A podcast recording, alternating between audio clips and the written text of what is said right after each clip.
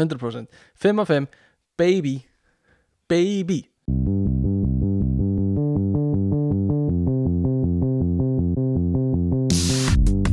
Halló er eitthvað að frétta?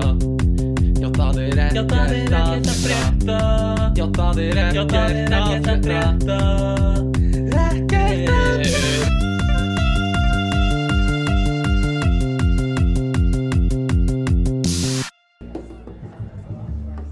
langar að mála smá mynd fyrir þig. Mm. með hljóði.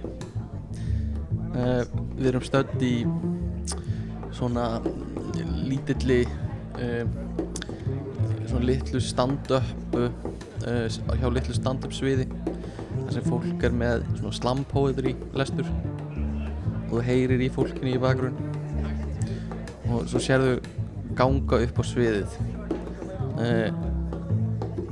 mig. í glæsilegum fötum. Ok. Og ég stend á miðjur sviðinu og það þagna allir í kring. Og, og ég les ljóð. Og það er svona. In the burned out highway Ditch the thrown away beer bottle Lands Lands Lands standing up Unbroken like a cat thrown off. Off a roof to kill it. Landing hard. And dazzled in the sun. Right side up.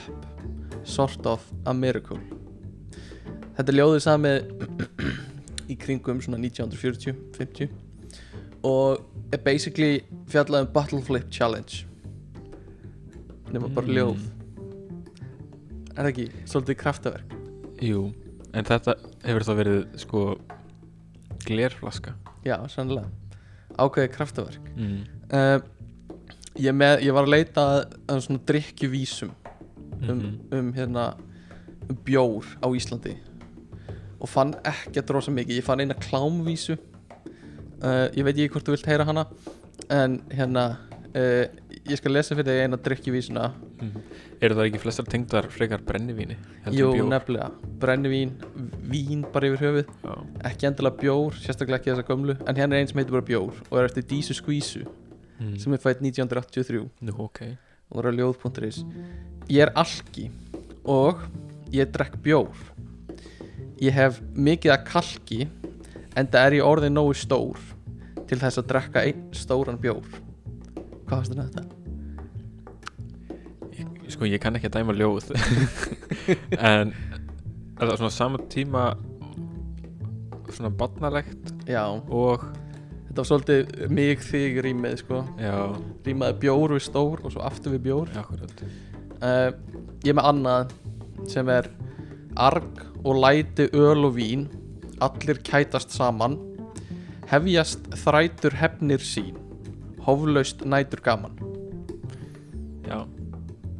Þetta mér stundar betra. Þetta er betra, þetta er aðeins skemmtilega rými þessu sko, við erum með innrým og, og hérna kætast þrætur nætur gaman. Mm.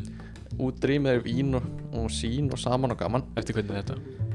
Uh, þetta er eftir Kristján Runolfsson mm. skemmtilegt að vera komin í svona, í svona ljóða þátt Mm. Og ég er með eina vísi viðbót. Uh, viltu hei, ok, þú mátt ráða. Aðra bjórvísu eða klámvísu? Er klámvísan tengd bjór? Næ, er þetta bara klámvísa? Já það eru flokkar á síðunni sem ég er að skoða og það er ein klám, klámvísu flokkur mm. það er ein klámvísa. Já, heyrum hana. Hún er ekkert rosa gróf. Uh, hérna semur Aðalsteinn Halldórsson frá Litlu skóum mm. Við skulum ekki hafa hátt. Hér e, um margar gengur. Nei, sorry, ég þarf að byrja upp á nýtt. Já, Ég er alveg hríkalegur uh, Við skulum ekki hafa hátt. Hér um margur gengur. Góða vina, gef mér drátt. Ég get ekki beðið lengur. Don't know. Þetta er svolítið dónó sko. Þurfum að bípa þetta allt út. Uh, Við erum í nýju stúdiói Á nýjum degi uh, Hvar erum við núna? við erum í sumarbústað sumarbústað uh, tengdarfóreldra minna Mm -hmm. uh, í Skorradalnum. Indall bústaður. Það er svolítið íslenska að vera með bústað að þekka einhvern sem er með bústað. Ég held að hafi allir aðgang að bústað. Rosa mikið sko. Og hvað er svona hvað er krítíst fyrir bústað? Hvað þarf bústaðar að hafa? Heitur pottur það, er það fyrsta sem mann dettur í hug Já. Alltaf það, það er svolítið krúsjál sko. Það er alveg svona bara svona bump í gæðastempli að hafa pott sko. Eða þú veist Ef ég fyrir bústað og það er ekki heitur pottur mm, Þá ég- ver, verð ég fyrir vonbrið mm, Það er bara þannig.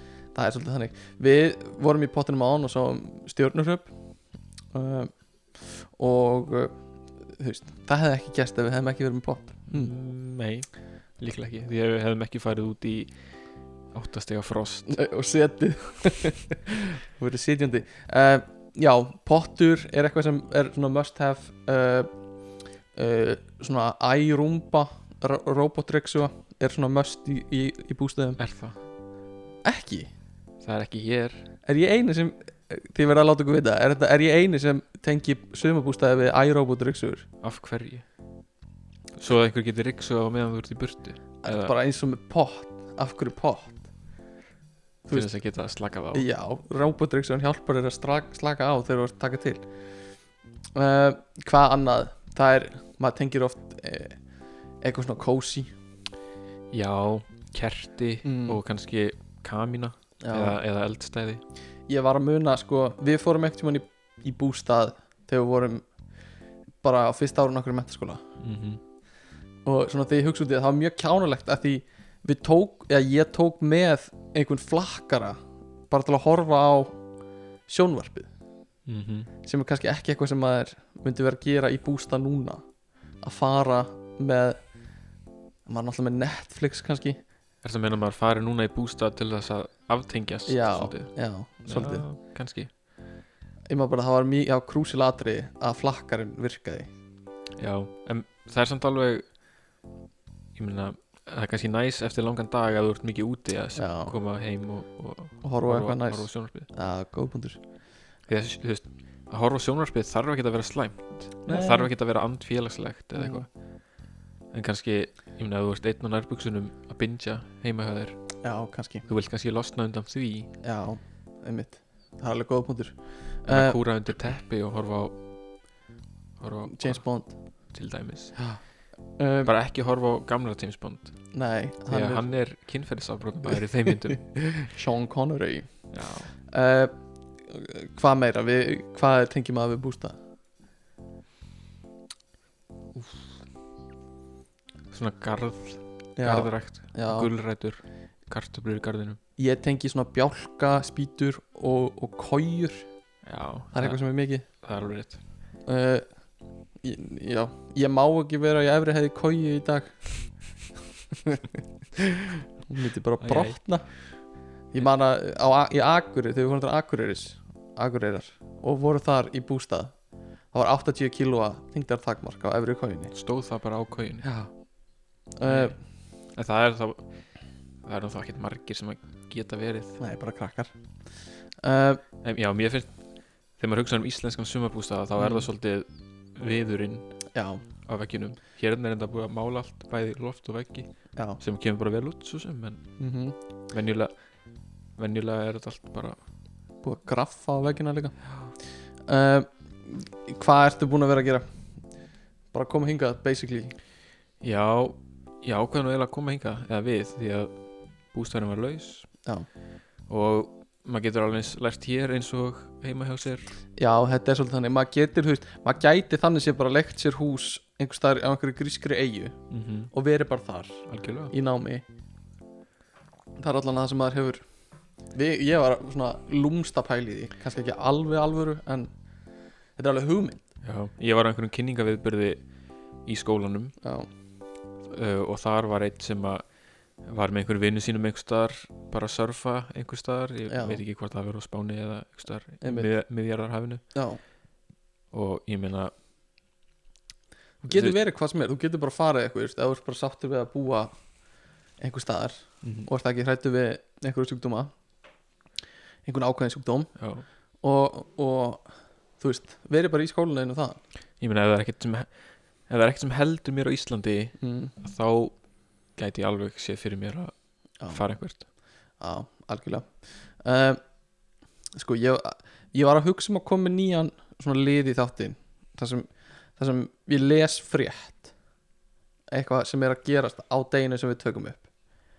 Uh, Hvað finnst þér um það, að gera það? Já, er þetta bara einhverju frétt á vísi eða? Já, eitthvað svo leiðis eða, eða BBC Big bl, bl, uh, BBC mm. Ég veit ekki hvað En ætlar bara að lesa hana bara er bara svona tala um hana? Já, ok.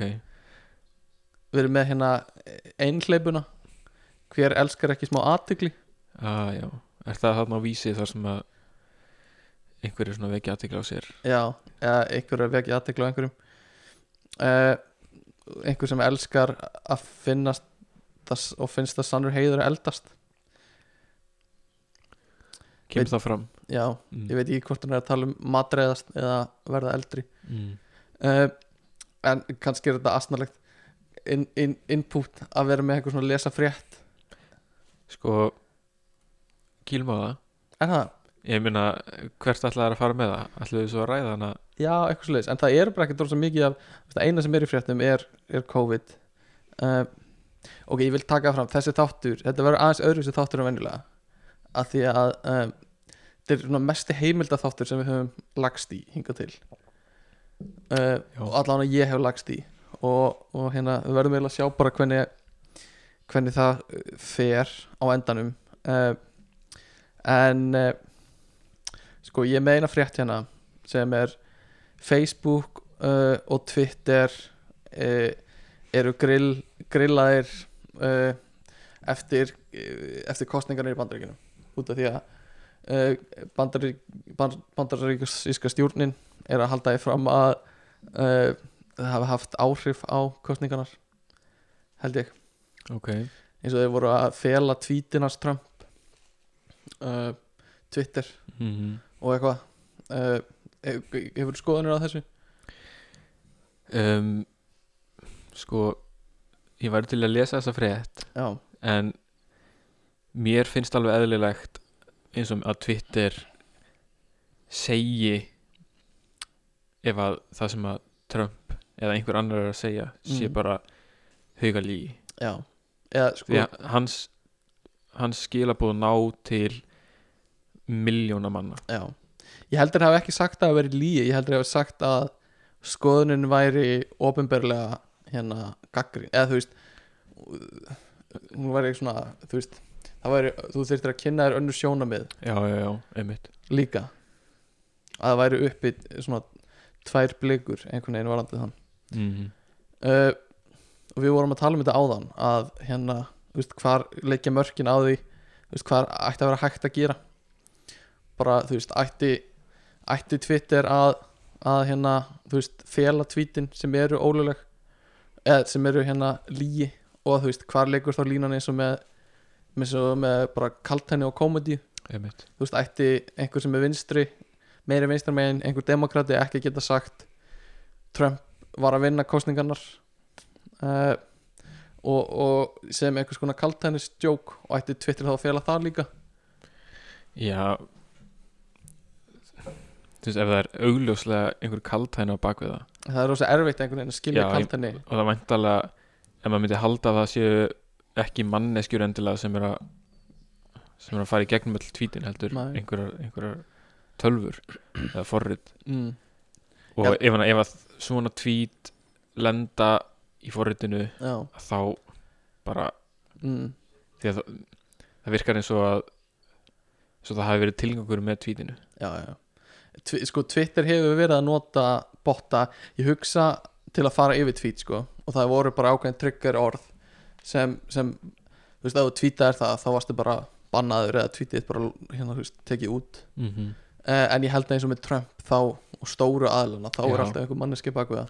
Já, já, uh, en það er bara, þú veist hver, áttu að líka að skoða tweet hjá manneski sem yfir 10.000 followers eða 100.000 eða 1000 eða eitthvað svona hvar leggja mörkin? Uh, ég veit ekki alveg hvar ég stend, þú veist hvar mér finnst að fólk eigi að byrja að reytskoða svona já. en er, er þetta ekki ka- kannski bara eins og með fjölmiðla almennt þú veist, Mm. það er þeirra hlutverk að þú veist uh, gaggrína skoðanir Já. eða gaggrína það sem að stjórnmálmenn eða mm. ábyrjandi aðilar í samfélaginu segja já, þannig að ef að Twitter lítur á sig sem, sem einhvers konar fjölmiðil mm. Sem þeir eru kannski á einhvern hátt en samt svolítið öðruvísi heldur en aðrir já, að þá kannski er alveg eðlilegt að þeir láti vita ef að einhver skoðun er ekki svona um, ekki svona allir sammála þeirri skoðun eða já, ef hún er svona Ef, ef, ef, ef þeir væri með samt ef þeir væri með ranga afstuð þú veist, þá væri þetta ranga á þann hátt að þú veist, ef þeir hefðu bara staðið með Donald Trump og myndu remúva allt sem Biden segir. Já, veist, þá væri maður veist, þá finnst maður þetta smá skeri, sko. Algjörlega. Ég meina þetta er þetta einhvern veginn skeri mm að einhver að þú sko því að einhvern veginn það að segja eitthvað á Twitter núna er svona sambærilegt við að fara bara út á torg og kalla, skalla já. Kalla yfir hópin þú veist maður hefur farið til útlanda Mm. og það er bara einhver stendur einhver gæði á kassa Já. og er bara að kalla einhver einhver bara að kalla sína skoðanir basically og Twitter er það núna í nútímanum var að panta mér pizza vandar kantalíu meina ef, að- ef að Trump færi bara út á torg Mm. þar í Washington mm. og myndi bara kalla ég vann kostningarna þú veist það væri vantarlega enginn sem að gæti gert eitthvað í því og þakkað niður á honum þar. Mæ en það sem að Twitter er bara enga fyrirtæki mm. og sem að vantarlega það sem stjórnendinir hafa vantarlega einhverja skoðanir já. þá finnst mér alltaf lægi að þeir mm. láti þær í ljós á einhvern hátt. Já, kannski. Uh, Sko, þetta er ekki aðal umræðum okkar í dag samt. Uh, Látið okkur vita hvað ykkur finnst um svona uh, topical umræður veit ekki. Uh, og senda okkur posta að geta frétta at gmail.com uh, Stundinsælið þátturins í dag eru Bannar og Royal búðingur Royal. Það er konungsfjölskyldan sem kallar. Það er slagurinn Nam Þetta var Björgvin að borða Royal búðing. Royal Nótabenni, skemmtilegt að nefna uh, Framleiði vöru sem er uh, Self-referencing um, í umbúðum Umbúðunar eru á umbúðunum mm. Er það ennþá þannig? mm Ég held það Veistu hvað var það er? hvað segirðu? Veistu hvað var það er?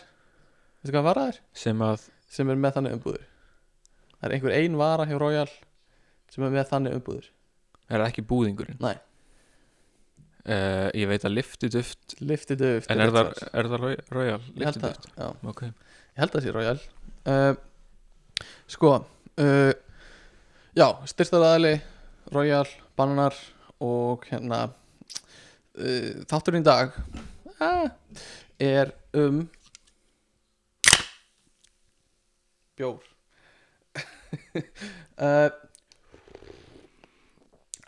Og rauðvinn dagsins í dag er uh, Bríó White Ale óafengur og uh, hver, hver er rauðvinn dagsins hjá þér? rauðindagsins hjá mér er uh, Birra Moretti sem er ítalst eða ítalskur bjór. Mm sem að reyndar sko er bruggaður hjá Heineken Hann er eiginlega í Breitlandi ég meina uppskriftin er örgulega ítölsk. Er Heineken brest? Nei, er ekki Heineken uh, Þú veist, Hollands? Ég veit það ekki, það stendur bara hérna aftan á Brewed in the UK by Heineken UK Limited. Ok, svo, reyndar í Edinborg, þannig að í Skotlandi. Ó, ok, þetta er, þetta er mjög flókið. Býttu fyrir maður að segja þetta. Heineken Það er uh, Framleiðandi Heineken. Mm, Okkur að vita Já, Dutch. Það er semst hollensku bjór. Þannig að þetta er uh, Það er bjóru sem þú ert að drekka er bruggaður af Heineken sem er hollenskt í uh, í United Kingdom mm en í Skotlandi. Já, þannig að Skotland, United Kingdom Holland en er ítalsku bjór. Já, þetta er sem sagt upps- uppskrift frá 1859 segir hérna. Mm. Og það stendur hérna uh, Birra Moretti was founded in 1859 and is still brewed today with our traditional recipe ok, þannig að ég meina ef að Heineken getur gert sömu uppskriftina þá já ætti ekki að skipta máli hvar hann er framleitur Nei, nei.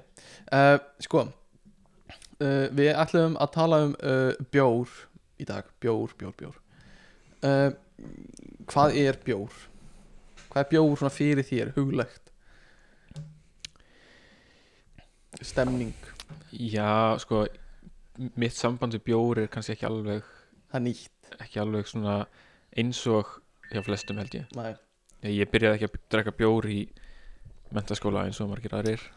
Samt uh, Fyrir svona 30 árum Var það bara þannig?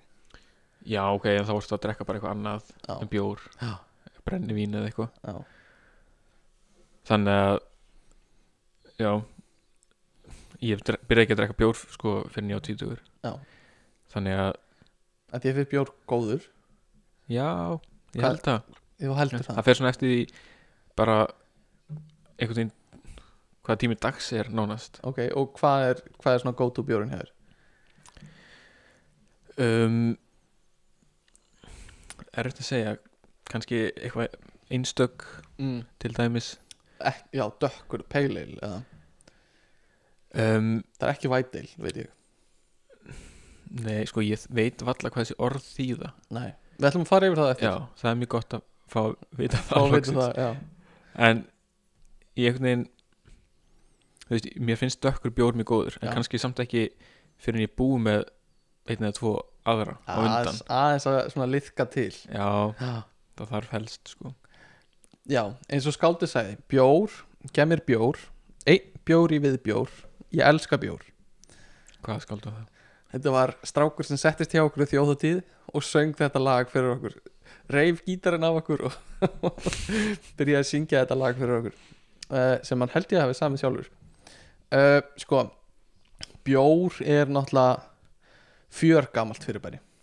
Uh, og í rauninni bara hvað þarftu í bjór? Þú þarft vatn þú þarft einhvers konar korn eða humla og þú veist, humlar, hvað eru humlar? þú veist, það er einhvers konar eh, einhver típa af korni. Það er sko humlar eru blóm plöntu. Mm. sem að ég man ekki hvað heitir en ég Og er samt með einhverstað hjá mér. þú leifir því að spýra eitthvað smá? Já sko, þú ert að ruggla saman byggi og humlum. Ok, bubba byggi já, já, já, já. ok. Nei, já sko, bjó, ef sko, þú þarft ekki humla Nei. til að gera bjór ok, sumir, sumir bjórar eru humla lausir Já. en þú þarft bygg Já. eða hveiti eða einhvern annan svona kortgjafa já, bara korn svona kolvetnisgjafa mm -hmm. nei, hérna bygg er lang algengast sko Já. uh, sko en það, já, þannig að bjór hefur fyllt okkur alveg bara síðan við byrjuðum að að í rauninni beisla korn eða rækta korn. Beisla korn. Ég meina það var einhvers maður vilt og svo beisliði við það sem jú, jú. sem einhvers konar uh, og byrjaðum að rækta það. þannig að og það, það getur hafa gerst bara fyrir löngu. Og þá erum við að tala um fyrir þúsundum ára.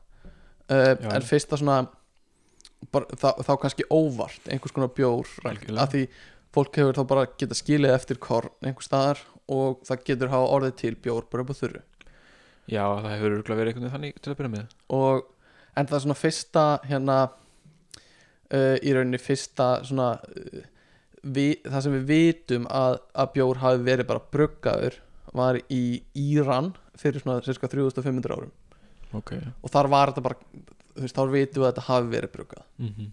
og uh, og, og jafnvel aðeins lengra síðan en svona það sem, það sem flesti getur verið sammála um er að Íran fyrir svona cirka 3500 ára fyrir krist meina ég oh, þannig að það ok. er 5500 ár uh, og þá, þá var þetta bara gert bara, þá voru tekin bara hérna einhvers konar korn mm -hmm. og, og hérna svo var sigur og þetta láti gerjast og þá var til einhvers svona einhver vögvi Mm -hmm. og bjór var oft uh, í gamla daga meiri svona grautur veist, þetta var ekki bara vögvi sem fólk drakk. Einmitt.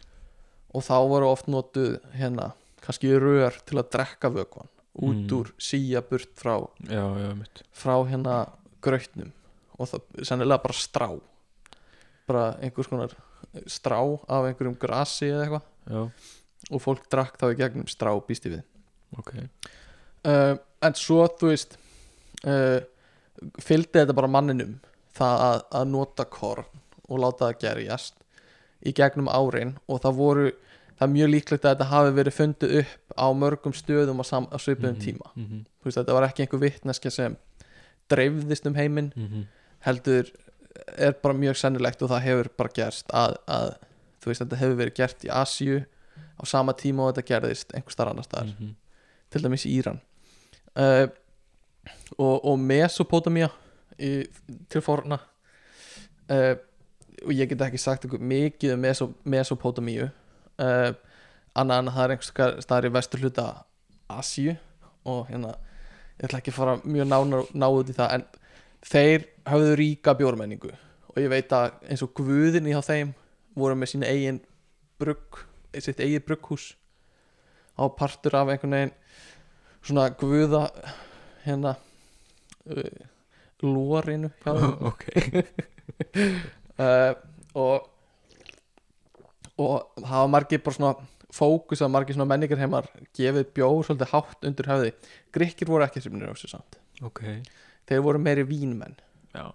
Enda, enda fáaður mjög fáuð hérna þjóð mm Mhm. forngrikkir og, og eins og Bakkus ég er nokkuð sem að Bakkus hafi ekki fílað einstök væteil sko. Hann Nei. er meira í, í þú veist, barefoot rauðvinni eða hvítvinni eða hvað það heitir Mhm. Diablo rauðvin uh, þannig að, að þetta fylgdi manninu um allt frá bara örófi alda og það var á miðöldum í Evrópu sem þetta fór kannski að uh, að fá einhvers konar svona uh, einhvers konar svona þannig að það voru komið brugghús og einhvers svona menning í kringum þetta að því til að byrja með var þetta oft bara í klaustrum sem þetta var bruggað í heimahúsum. Ok. Fólk bara bruggaði heima hjá sér oft þetta fór kannski að fá, taka á sig einhverja mynd í Evrópu á miðöldum. Mhm. uh, og þá voru Holland og England mi miklu bruggarar uh, en uh, við fyrir kannski ekki mjög náið út í að þessi þáttur væri bara mjög langur ef við ætlum að rekja bjórsöguna endalaust. Og um, við ætlum að reyna að hafa hann ekkert rosalangan Mhm. held ég. Uh, þannig að við ætlum svolítið að stikla á stóru. Uh, en bjór þú veist ha, hann hefur greinilega verið mjög lengi með okkur og eins og Íslandingar drukku mikið bjór, öl á bara landnámsöld. Mhm. af því það var líka bara auðveldara að uh, hérna flytja öl heldur en vatn í tunnum. Vatn gat morgnað eða eitthvað svona. Já, já, en það var eitthvað við bjórin sem, sem hjælt honum góðum. Uh, örverur eiga vantarlega kannski erfiðara með að, já með að þrýfast í bjór heldur Mm. en í Já, og ég með hérna það var á, á ég, ég talaði um þetta í síðasta þetta nema þá tengt meira kannski skýrinu en Egil Skallagrimsson uh, hann er mitt uh, á sögum með bjór og öl kannski, það er alltaf að tala um öl í Íslendingasögunum, Mhm. ekki bjór uh, að hann hérna Egil Skallagrimsson uh, fór að heimsækja einhvern hérna sem heitir Öl, Ölvir sem er ansi hérna viðeigandi. Mhm.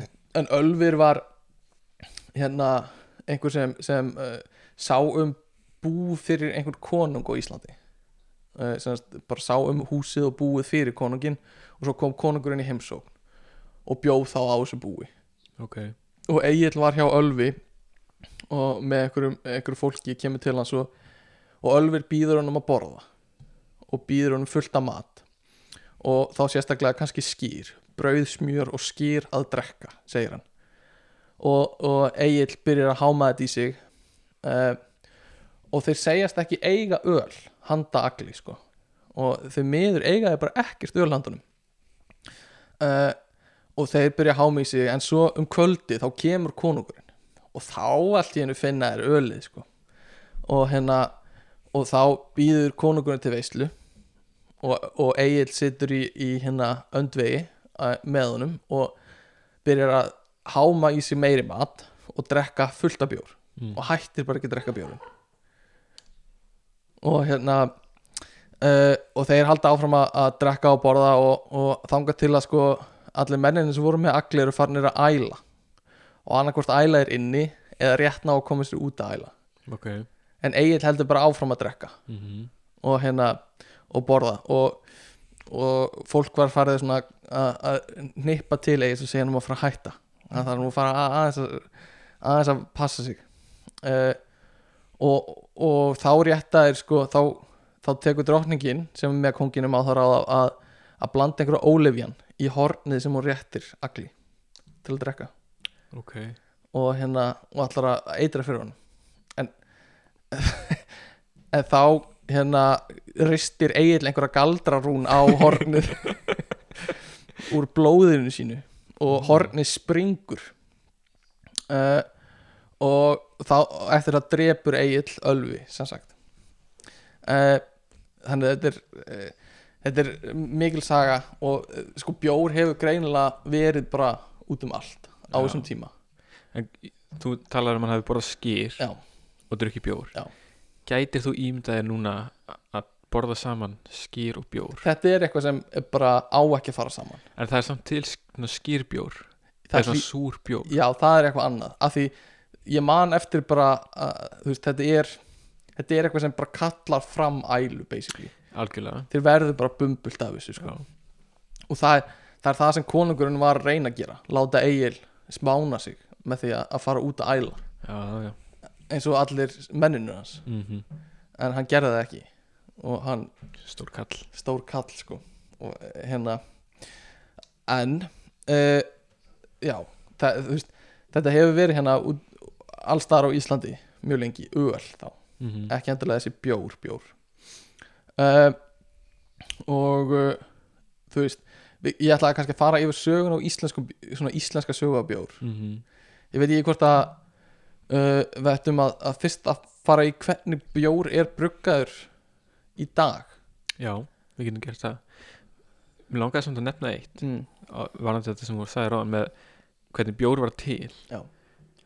ég fór að velta fyrir mér gæti verið að þú veist, fyrst hafi verið bara að fólk fór að borða eitthvað svona miklað brauð og Já. fengið einhver svona uh, ölfunar áhrif frá því gæti þannig einhvern veginn svona fundið út úr því hvernig er að búa til þessi áhrif. Já, sko það gæti verið, það er ekki talað um það beint. Það er eins og þið hafi allavega frá í langan tíma vita að það ætti að drekka þetta. Frekar en að borða. uh, en það gæti svo sem alveg verið. Ég veit að það voru munkar í, í klaustrum uh, sem gerðu það bara að þeir föstuðu alveg nema þeir í, í einhverja langan tíma nema þeir drukku bara bjór. Á fastandi maga, á fastandi maga. Frábært. Og það var það eina sem þið gerðu og bara í langan tíma. Mm. út af því að bjór er náttúrulega bara brauð. Já, já, og þetta er bara, þetta er bara brauð í vökuformi. Einmitt. Og þeir fengu bara kaloríuna sínar úr því. Mm Það var það sem er þá basically eins og að taka bara föstu nema bara borða brauð. Og áfengi.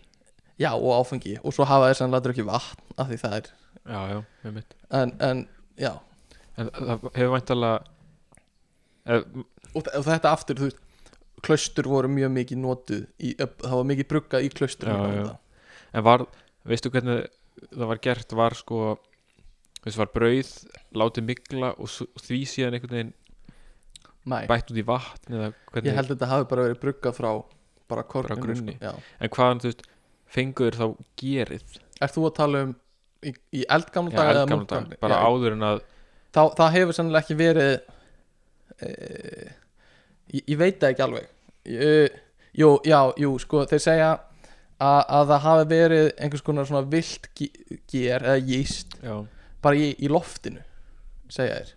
Já, já, og, og hérna uh, og það er þannig sem þetta gæti hafa gerst í eldgamla daga. Mm, fyrst að þeir hafi verið með korn og einhvern ákveðin einhver, einhverja sigur típu mm og hérna og svo verður gerjast það út af því að það er eitthvað í andrúsloftinu sennilega eru þið með einhvern rakan á rökum stað að geima þetta. Já, og það er einhvers konar sveppur, ger í bara loftinu sem, sem, verð, sem svona fýrar undir þessa gerjun á, á korninu sko.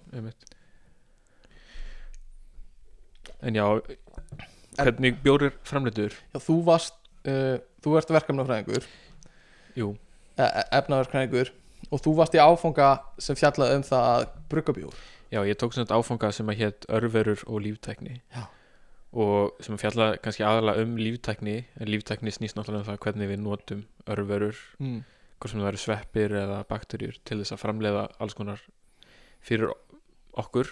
Eins og penicillin penicillin er eitt dæmi. Mm um, insulín er annað dæmi Já. þar sem að E. coli saurgerlar eru látnir framleiða, nice, framleiða insulín nice. og þá, þá er það oftast þannig að hérna, einhver svona geni er bætt við bakteríu bakteríuna, bætt Mm. við genamengi bakteríunar Já, þannig að hún er látin framleiða eitthvað sem hún hefði annars ekki gert Já. og svo er bakterían sem sagt, bakterían er látin fjölga sér og svo er hún sem sagt einhvern veginn svona sprengt basically Já. þannig að allt insulínið eða efni sem er verið að framleiða sem er inn í fruminni það losnar út og svo er það einangrað og, ok og selt og svona til þess að fá eitthvað svona verklegt að þá vorum við látum brugga bjór Já. uh, bara alveg frá grunni fengum mm Mhm. einhver aðstof frá einhverju, einhverju brugghúsi mm og hluti af þessu var náttúrulega að kynna sér svolítið hvernig bjór er framleitur Já. og Og þú, þú varst með einhverjum einum öðrum er það ekki? nei, við vorum þrjú saman í hóp Þrjú saman og skrifum hel, heljarnar skýrslu Já. um þetta Já. fengum 9,5 fyrir skýrsluna Já. þannig að eitthvað við verið að gera Eitthvað hafi verið að gera rétt en það var einmitt rættu við svolítið hvernig bara svona almennt um ferlið Já. og hérna eins og þú segir það er svona þrjú megin hráefni Já. það er vatn, mm -hmm. það er bygg og það er humlar pluss gerið Já. þannig ok, fjögur hráefni Já. reyndar eru humlarnir ekki nöðsynlegir en þeir koma oft Já. og það er einmitt sko, það eru þýsk lög frá 1516 sem Tó- seg, segja Tón, Tónlist eða Já. Þísk lög frá 1516 sem að segja sem sagt bara, það er bara sagt í lögum að einu hráefnin í bjór Já. mega vera sem sagt vatn, bygg og humlar.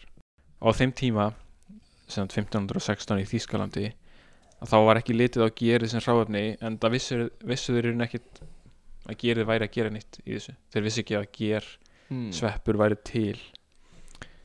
Hvað, hva, veistu þá hvernig er, af hverju er settu ger eða þú veist, hvaðan kemur ger eða þú veist, gerið hefur væntalega einhvern veginn verið bara einhvers konar auka afurð eða svona auka ráfni sem eru óafvitandi einhvern veginn settu í ok.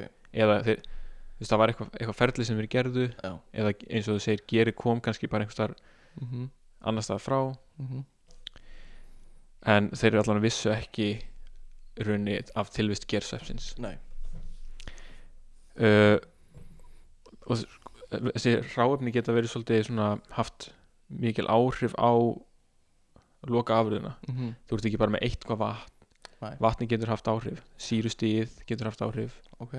Um, hérna harkan á vatninu. Hvað er harka á vatni? það er basically hversu mikið af ákveðnum jónum ákveðnum, ákveðnum steinefnum er í vatninu. Ok, ekki segja Jón Brandara hér. Ok, halda áfram. Já og hérna og sírustíð getur haft áhrif því að það Jón Baldvin Hannibalsson Nei, ok Það getur haft áhrif Sýristíði getur haft áhrif já sírustíð getur haft áhrif vegna þess að það þarf kannski að vera eitthvað kjör, kjör sírustíð fyrir ákveðnar ákveðin svona efnafræðileg ferli sem að fara fram Já. uh, svo er það byggið sem þarf ekki endilega að vera bygg það getur verið kveiti eins og Mhm. við höfum rætt það er náttúrulega til kveitibjór Já. uh, en byggið er langa algengast Já. og uh, það er nöðsynlegt að byggið sé maltað áður en að það er byrjað að framlega bjórin og það felst í því sem að þú held ég nefndir áðan þá, þá er byggið látið spýra. Já, þá er, sem, þá er því fyrst blanda út í vatn Já. þar sem að sem sagt, byggi, byggfræðin spýra. Já, uh, sorry, já, þetta er það sem ég var að meina alltaf að tala um á þann já, Ég ruglaði saman humlunum og byggjum. Já, akkurat. Já. byggið sem þetta látið spýra mm og og hérna og það sem sagt uh, veldur því að, byggi fra, fyrir að framleiða ákveðin ensím sem að síðan geta brotið niður sterkjuna. Ef, að, ef að byggi spýrar ekki að þá, þá er, gerist þetta ekki. Er það enn sín gauti? viltu ekki bara klára Já, þetta brandarana ok, sorry, ég, ég skal hætta nú svo hérna Þetta var, var lélegt líka, þetta var já, þetta var frekar lífið Ok, fyrir ekki, ég hættur. En svo er það humlarnir mm sem að þú rugglaði saman við byggið Já. þetta er svona blóm á ákveðinu plöntu þetta er ekki ekki beint einhver svona fræ eða svoleiðis. Svona- Þetta lítur samt út, er það ekki eins og einhvers konar svona uh, fræ eða eitthvað jú, svoleiðis? ég, ég held að það er mjög ekki, að ruggla þessu saman við einhver fræ. Já, þetta, er, þetta lítur ekki endilega út eins og blóm. Nei. En þetta er svona blóm af plöntunni humulus lupulus. Það hljóma bara eins og einhvers hafi heyrt humall og hugsa bara, hm, hvað er þetta það sé á latinu? Humulus, lupulus? Eða öfugt. Já, og sagt, humlarnir eru aðalega svona bragð bætandi ok. Uh, og hérna er svolítið fróðleikur fyrir þig sko. Ok. það er fullt af efnum í humlunum sem að hafa áhrif á lyktina og bragðið. Já. helstu efnin í humlum eru sagt línalúl. Línalús línalúl sem að sko fæstir þekkja en kannski fleiri þekkja sem 3,7 dimethyl 8 1,6 DN3-ról Auðvitað, já, já, já, nú, þetta er að ringja bjöllar núna. Já. Uh, þannig að þetta er svona kemur mörgum óvart sko að þetta sé aðal efnið Auðvitað, ég, ég, ég vissi að þetta væri mikilvægt í einhverju en Mhm. ég vissi ekki að þetta væri nota í bjórframlust Einmitt, já, akkurat. Fleiri í sömu spórum Já. En svo er það gerið sem að þjóðverðinni viski af. En það hefur líka mikil áhrifurinn hvaða gerstofn þú notar. Já, og það er búið að framlega uh, rækta í rauninni fullt af mismunandi gerstofnum já, og örgulega er það bæta það á einhvern hátt þannig að þeir fjölgi sér hraðar ok. og betur. Uh, Gér, ef við stöldrum aðeins við Hvað, veist þú mikið um gér? Er þetta þegar þú býr til gér og ræktar gér nú spyr ég því ég veit ekki uh, þú veist þegar þú framlega gér er þetta, kemur þetta allt eiginlega frá sama upp, upphafinu Já, eða getur þú búið til gér úr ekki geri, basically? Eða þarftu alltaf gér til að framleiða meira gér þess ger er lífvera. Þetta Já. er gersveppur sveppur, sem já, er ein, einfruma lífvera. Já, já, já, þannig að þú framlegir ekki lífveru úr engu. ekki lífveru. Nei, nei, nei, þannig að þú þarft alltaf einhvern svona einhverja fyrsta svepp til þess að framlega meira. Og og- já, það var núna í COVID þegar í byrjun COVID, semst í vor þá voru allir að baka mm. og þá var ger skortur á Íslandi. Mm -hmm. af því fólk var búið að kaupa allt gerið. Mm -hmm. mér finnst það mjög hundi, ég ætlaði að mynda að fara að baka í þessu. Þá var, gerið búið. Já, en þetta er eitthvað sem fólk er ekki súr, er það típa af geri? Um, svona eins og að nota í súrdegsbröð já, ég þekki það ekki alveg sko. ég held að það sé þú veist, þá ertu með einhver skonar þú veist, móður súr Já, já. og fólk fær af honum. Emitt og kannski búið að halda ákveðnum súr gangandi í hundruðir ára eða eitthvað sluðis ok, það geta alveg verið sko. ég held að, held að það sé þannig. Og, og þá, þú veist, kannski fjölskyldu súrin sem fólk heldur upp á. Já, ég veit ekki hvort að það sé sko, sveppur eða hvort það sé einhvers konar bakterja nei, ok, en allan, höldum áfram. Það var útudúr, já, ekki svo fyrsti útudúr og aðstæðanlega spurning frá mér uh, það eru aðalega tvær tegundir sem eru notaðar Það er annars það er samt mismunandi tegund af gersvepp hvort, eftir hvort þú ert að framlega eitthvað sem heitir öl á íslensku Já. sem er eil Já. eða það sem á íslensku er kallað ljóst öl sem er lager já. og það eru svona, bara tveir svona mismunandi stopnar En, en þetta hvort tvekja er bjór já já, þetta er hvort ekki bjór sko. en það, það deilir bygginu, það deilir vatninu það Já. deilir uh, mögulega humlunum Já. og þá er það bara mismunandi um, mismunandi stopt sko. Anna, það sem er notað í öl heitir Saccharomyces cerevisiae skemmtilegt, já. Hitt, hinn heitir Saccharomyces pastorianus anus pastorianus past og, ok fyrir mikið lengur til það uh, en svo hvað var það ferli sjálf? Pastor í anus. Þetta er svona eins og katholska kirkjan. Nei, ok, höldum áfram. Nákvæmlega eins.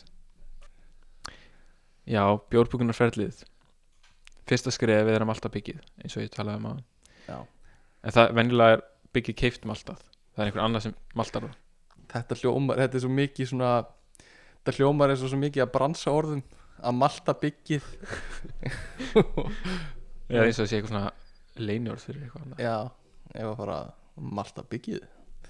Ok, en já, það, það kemur yfirleitt malta já það, er ekki, það er ekki oftast er það ekki maltað í brugghúsinu. Og til að, til að endur taka að malta bygg er að leifa því að spýra Einhver sko já, það er svona lagt í bleiti leift að spýra Já. og svo er það þurrkað aftur. Já.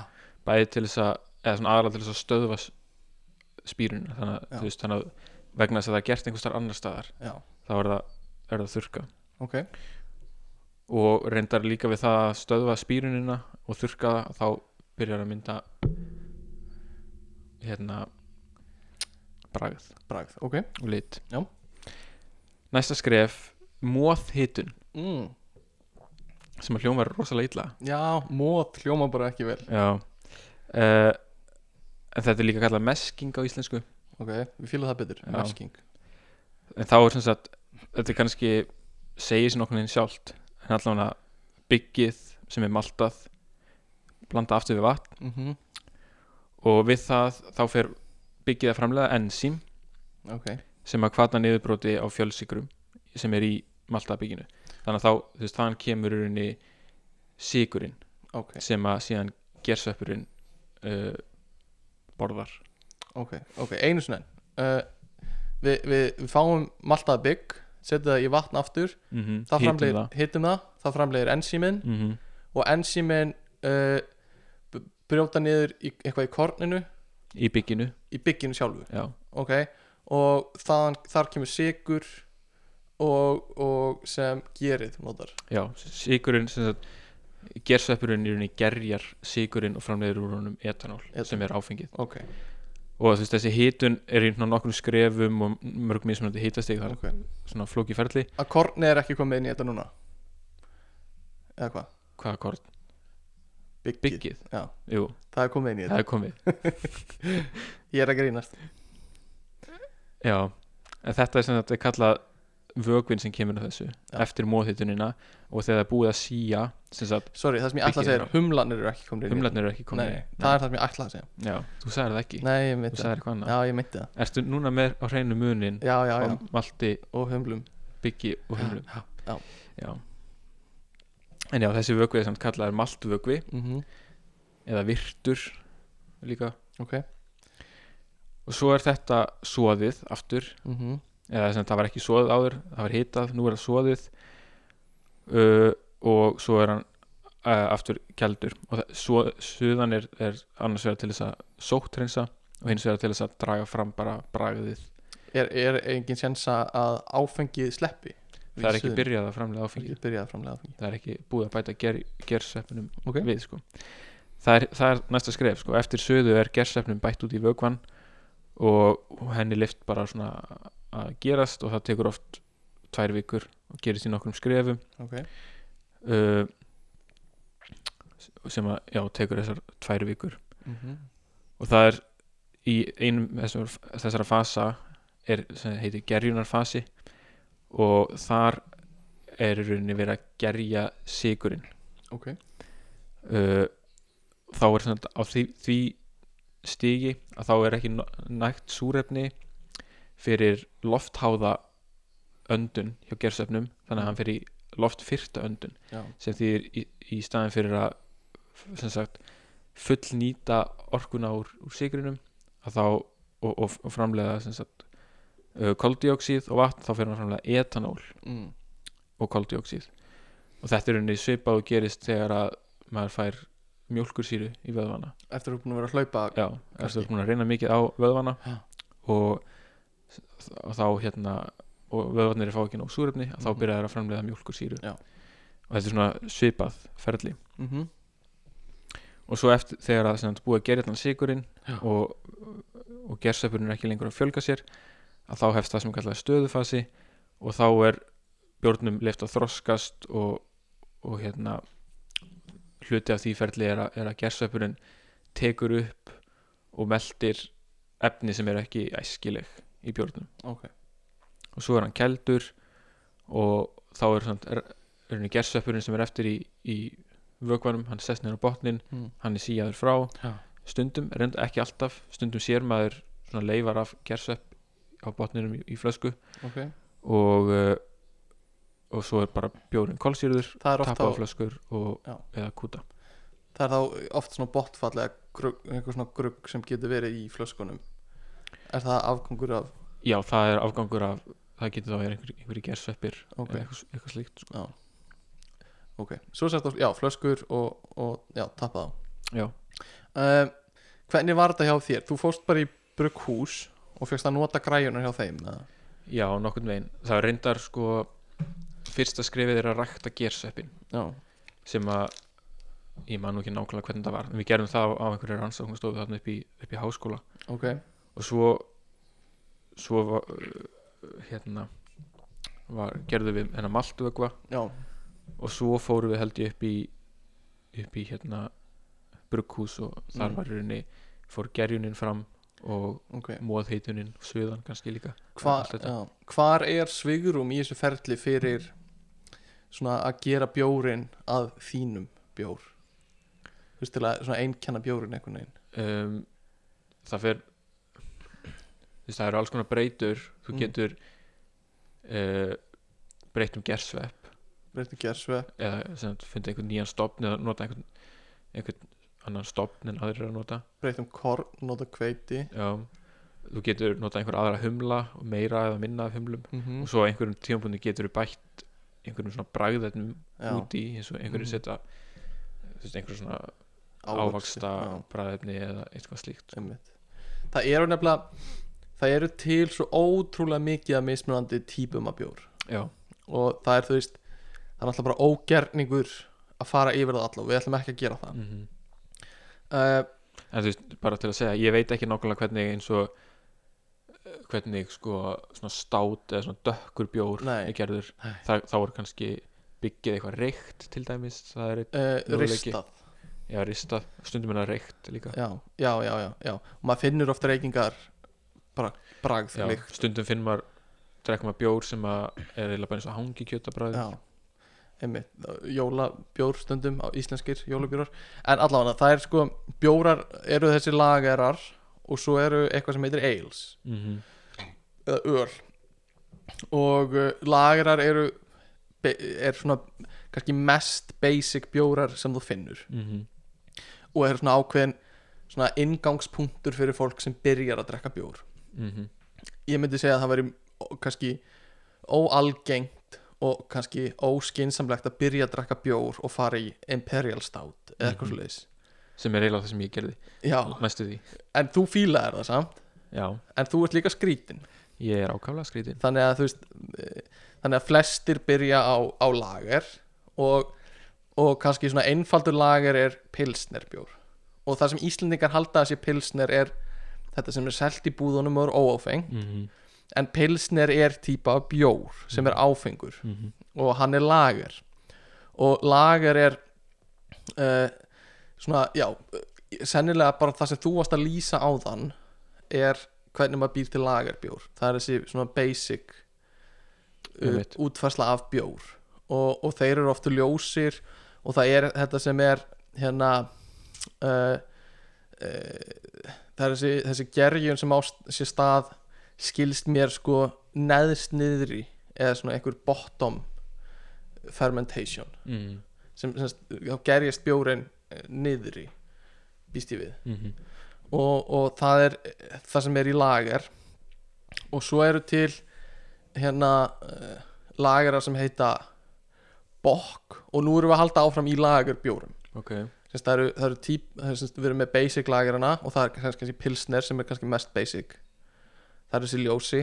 Uh, og svo erum við með eitthvað, eitthvað sem heitir bokk eða doppelbokk. Mm og hvort þú ert með bokk eða doppelbokk það fer eftir í hversu sterkt það er held ég. Þannig að Ok. þú ert yfir 6 í pró- áfengisprósentu þá ertu komin í doppelbokk. Og bokk er uh, eru á Íslandi oft brugga er mikið fyrir jólin veit ég og hérna Ég var einmitt að drekka doppelbokk á hann í pottinum.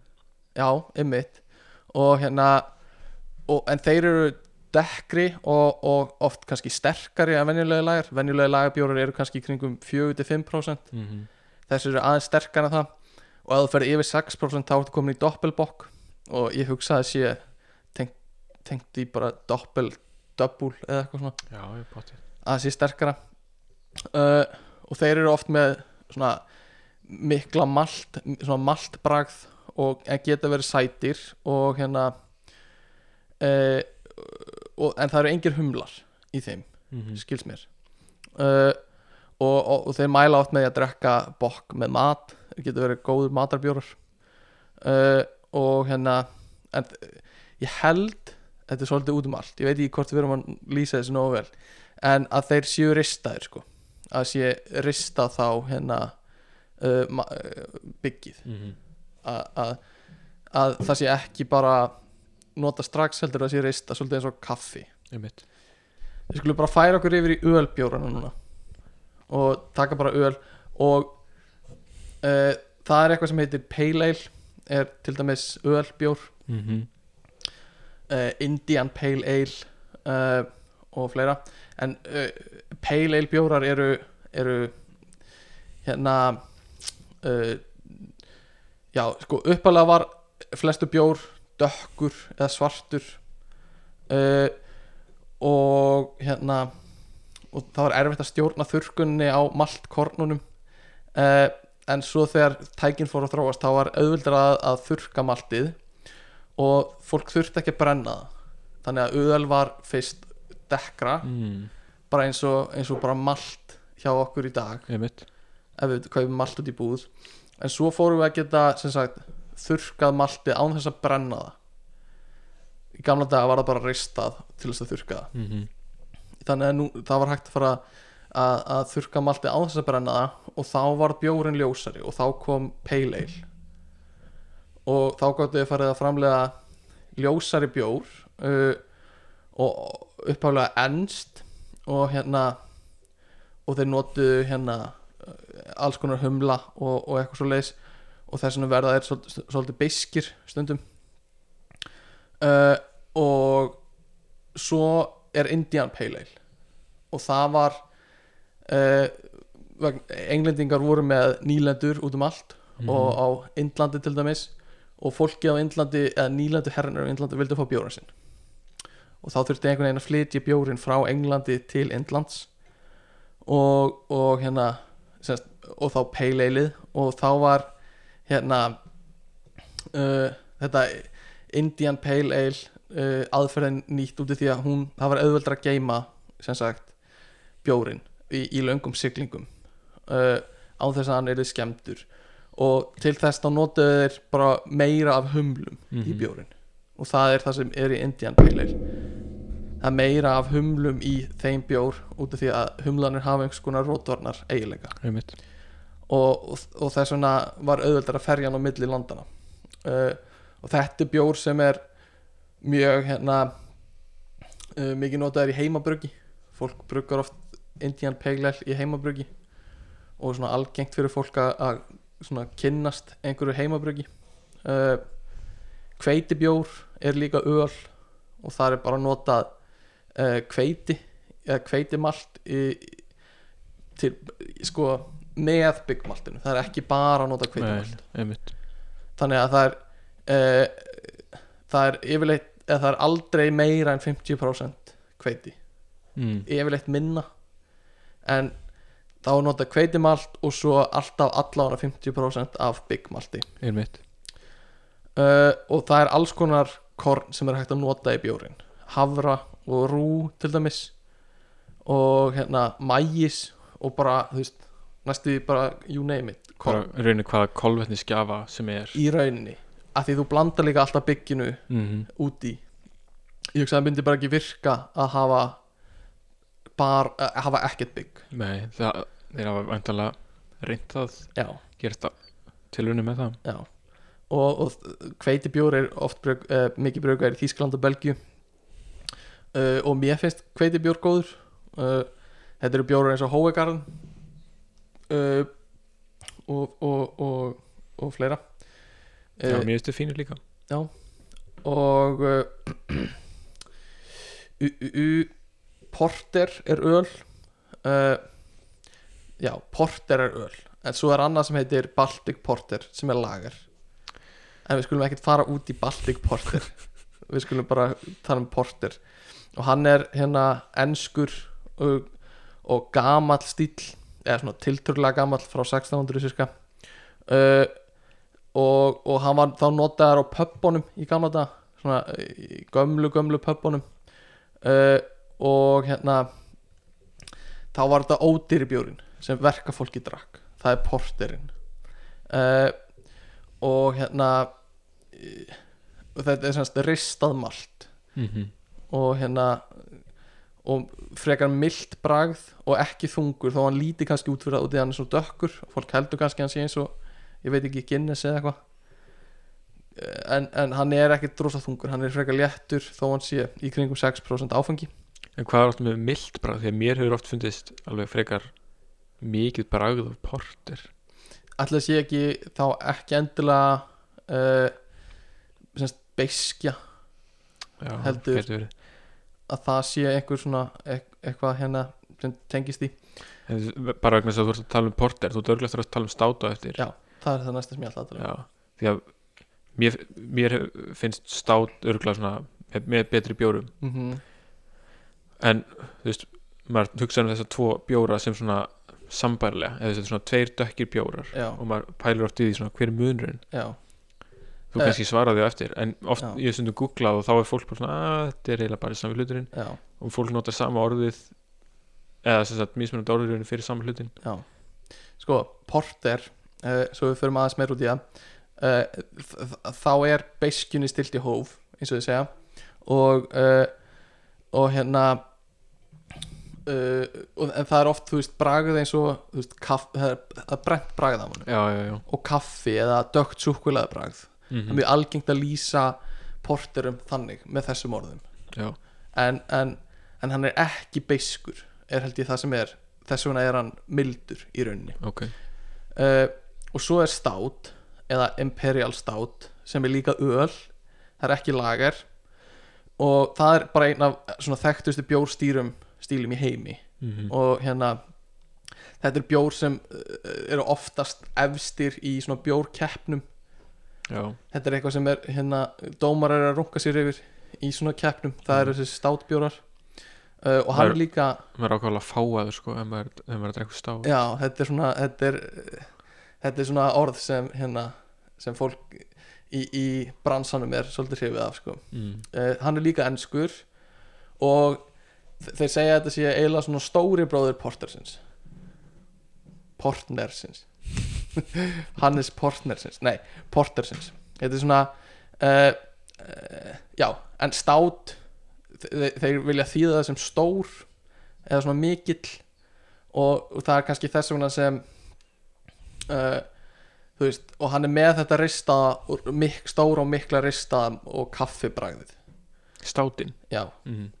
uh, og hérna uh, þarna er maltið ristað svolítið eins og kaffibunur eru ristað sagður það ekki með porterinn? Jú, þeir eru það báðir já, sko. ok. Uh, það, það er líka ristað, porterinn er líka ristaður. Uh, uh, já, en, en þeir sem sagt eru ristaður og stundum eru brendir sko, ekki bara ristaður já, já, uh, og þess vegna verður rosa stert bragðaði af því, af því maltið er ristað mm og, og kannski brent uh, og þess að imperial útgáfan af þessu þýðir bara að hann sé ennþá öflugri og, og oft sterkari. Frá 8 upp í 13% já, ok. Uh, svo segja þér að stát geti verið þurr og sætur og ég býst við að það sé svona kannski algengara að státin sé þurr eða sætur. Uh, og geti verið beiskur sem er annað en porterinn. Mm veist, porterinn á ekki verið eins beiskur en státin getur verið mjög beiskur. Einmitt og amerísku bjórnir amerísku státbjórnir eru það. Uh, og, og hérna imperial bjórnir imperial státin er ofta svona veist, þéttari, þú finnur vel fyrir bragðun á honum. Uh, og Guinness er einmitt dæmi um þurran stát. Akkurat státbjór. En hann er ekki imperial stát að því, að því Guinness er bara 4,2% eða Einmitt. 3,9% Já. eða eitthvað. alveg bara svimandi láttala um, og, og hérna eh, stát er samt ekki allir dökkir bjórar. Það er fínt að hafa það á já, það, það eru bara þessir þessir sem eru brendir með brendir ristað malt mm típuna. Uh, og alls ekki dæma alla bjóra eftir í að þeir séu dökkir og hérna og, eru endilega státi eða eitthvað sliðis uh, en ég hef samt alveg lendið í þegar, þegar ég googla bara já, hver er munurinn á stát og porter já, og maður fær svo mismunandi svör. Já, bara eftir því í rauninni örgulega kannski eftir því frá hvað landi síðan er sem ert að lesa. Já, mögulega. Eða einstaklingur sem er að svara. Já, E- og sumir segja bara þetta er sami hluturinn í rauninni. Já, já. Þetta er sannilega svona einhvers konar skilgjöringar aðrið bara hvar dregur í línuna. Já. en það er eins og porterinn sé minna beiskur mm -hmm. og kannski aðeins minna ristaður og státin er meira ristaður Já. það er, það er svona svona magnar upp beiskjuna í bjórnum Mm -hmm. svo er uh, mjún- munkabjór þú veist, ég veit ekki við ætlum ekki að fara út í alla bjóra en við getum talað upp típur af bjórum Mm þú veist, það er Big Vín er ákveðin típa af bjór sem er svona vínleitt á, á litin uh, og er öl það er munkabjórin sem munkanir í klaustrunum brugguðu og er svona belgist tríbel og eitthvað svona. Maður hefur heyrt þessi orð double, tríbel og er, uh, er það sem er heita trappist og það er eitthvað svona stimpill sem bjór getur fengið ef hann er munkabjór. Ok. Uh, að vera trappist bjór. Uh, og er, já, ég veit, bruggaður í, í var bruggaður í munkaklösturum sveitabjór er eitthvað. Svo er súrbjór og hérna, mér finnst hann mjög góður. Já, súrbjór finnst mér líka að geta verið mjög góður. Og hérna, súrbjórin er uh, er líka bara uh, mjög margvísl ég hef smakkað súrbjór sem er ógeðslega súr mm -hmm. og bara fór bara greinilega eins langt og hann gat í því að vera súr. Og þú getur ekki drukkið mikið af því fi- finnst mér. En svo er líka bara til súrbjór sem bara heldur sér á mottunni Mhm. og er bara súr en góður. Uh, og, og þetta er oft þú veist, það bætt við einhverjum kryddum eða ávöxtum í súrbjóra. Og hérna uh, hvað er það sem gerir þetta svona súrt? Það er hérna uh, örverur sem eru notaðar í framleiðslunni til að gerja bjórin uh, og uh, ég veit ekki hvort ég á að lesa nafni á örverunum, ég held að það skipti ekki máli en þessar örverur gefa frá sér mjólkursýrur. Mm -hmm. sem er, þetta er svipað það sem þú varst að tala um áðan nema þarna eru alvöru mjólkursýrur sem koma með inn í bjórin Mm -hmm. uh, eins og gerist í vöðvunum okkar. Og uh, það er sem sagt það er þessar mjólkursýrur sem, sem hérna basically gera súrabæðið og það, veist, það getur verið ógeðslega súrt. Þess, ef það er mikið af mjólkursýrunni. Og uh, veist það er ekki drosa ég veit ekki, mann finnst ekki drosa geðslegt að ímynda sér að þú sérst að drekka bara misu eða eitthvað svona sem þú ert basically að gera. Já, nokkuð við bara að missa að blanda við bjórið Já. því sko. er ógeðslega fyndið. Uh, missa var samt bara svaladrykkur á einhverju tímapunkti á Íslandi. Já, algjörlega. Fólk drakk bara missa eins og það drakk mjólk. Já, algjörlega. Uh, en þetta eru, þú veist getur verið gersveppir sem gefa frá sér líka eitthvað svona svona uh, síru. Mm -hmm. svo er bara villibjór til dæmis og ávaxta bjór og það er bara hérna bara bjór sem er bræðbættur með ávöxtum. Og það er oft kveiti bjór eða lager eða eitthvað sem er bræðbættur bara með ávöxta. Alls konar, mér finnst ávöxta bjór getur verið góður. Uh, þú veist þetta var það var náttúrulega alls ekki allir bjórar en ég, ég ætla ekki að fara í fleiri.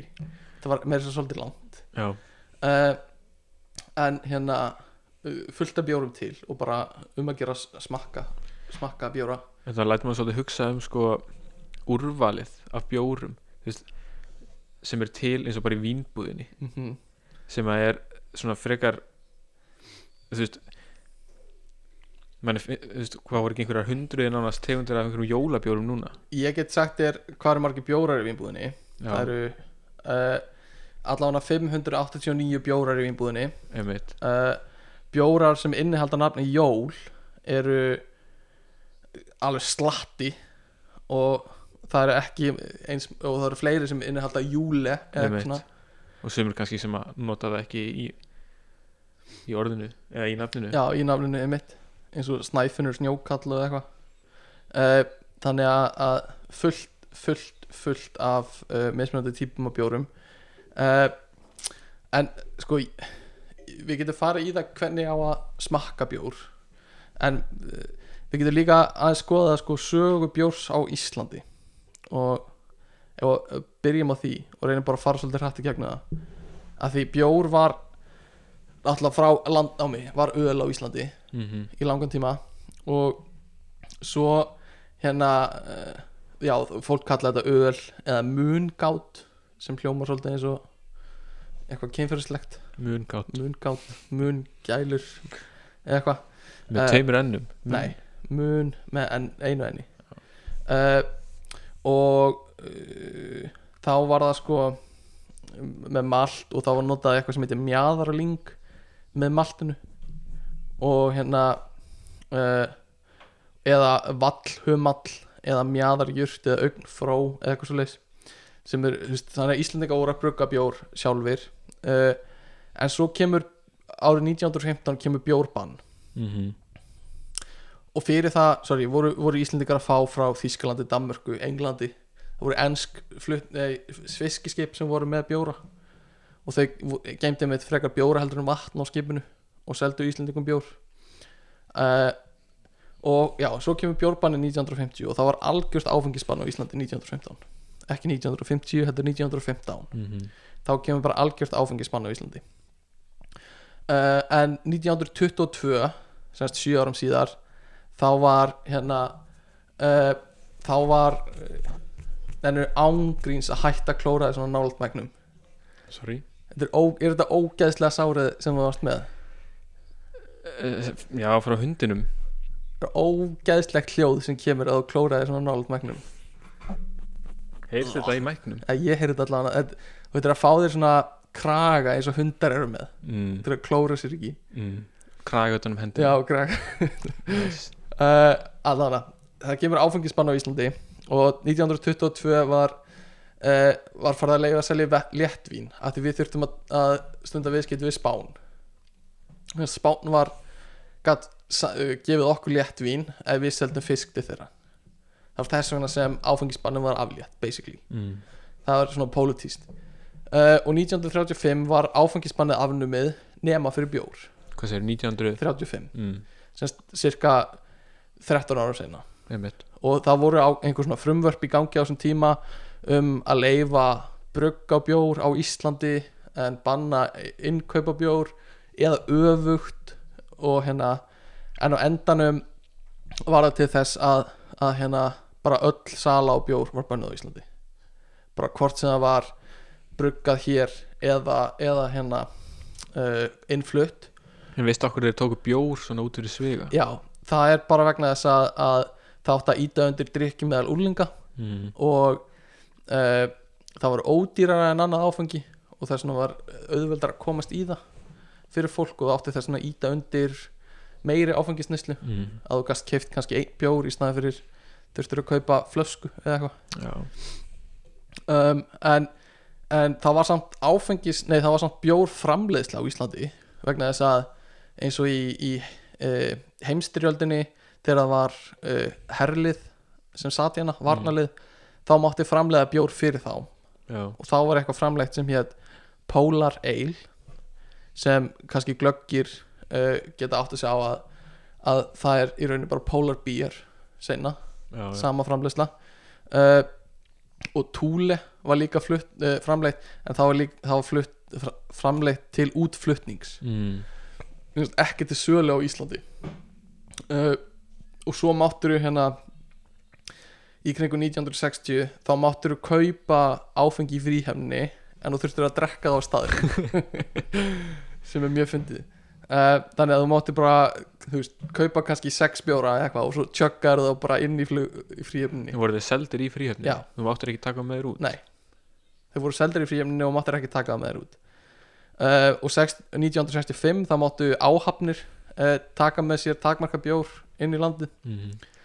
um, og það var einhvers konar svona groundbreaking atrið þegar Davíð Skeving tók með sér, kefti sér bjór kassa í fríhöfninni og tók það með sér inn í landið og bar fyrir sig einhvers konar jafnræðisreglu í tollinum og eitthvað, það var eitthvað svaka statement. Ok. Uh, og þá máttu ferða langar byrja að taka með þessi bjór til landsins 1980 cirka. Uh, og hérna það var uh, kannski ekki, merk, ekki merkilegt en það var, kom upp eitthvað sem heitir germálið á Íslandi. Vá, og það er basically þannig að, að þú veist, til að, að koma í veg fyrir heimabruggun þá hérna var ger sem sagt, þú veist, þá var settin einhver svona reglur á ger hvað ger mátti flytja inn í landið mm. að því fólk vildi ekki að, að fólk geti verið að brugga heima eða ríkistjórnum vildi það ekki og í, í, í aðdraðanda því þá var sett fram frumvarp á alþingi og þetta er eina ástæðan fyrir því ég er að nefna þetta en frumvarpi heitir ger eyðingar frumvarpið Vá, hvað það er einhver skemmt sér við að nefna Já. þetta og hérna og það var hérna Héta það, eða var það bara svona kallað uh, svo kallað býst ég við. Uh, en allavega uh, stikla á stóru.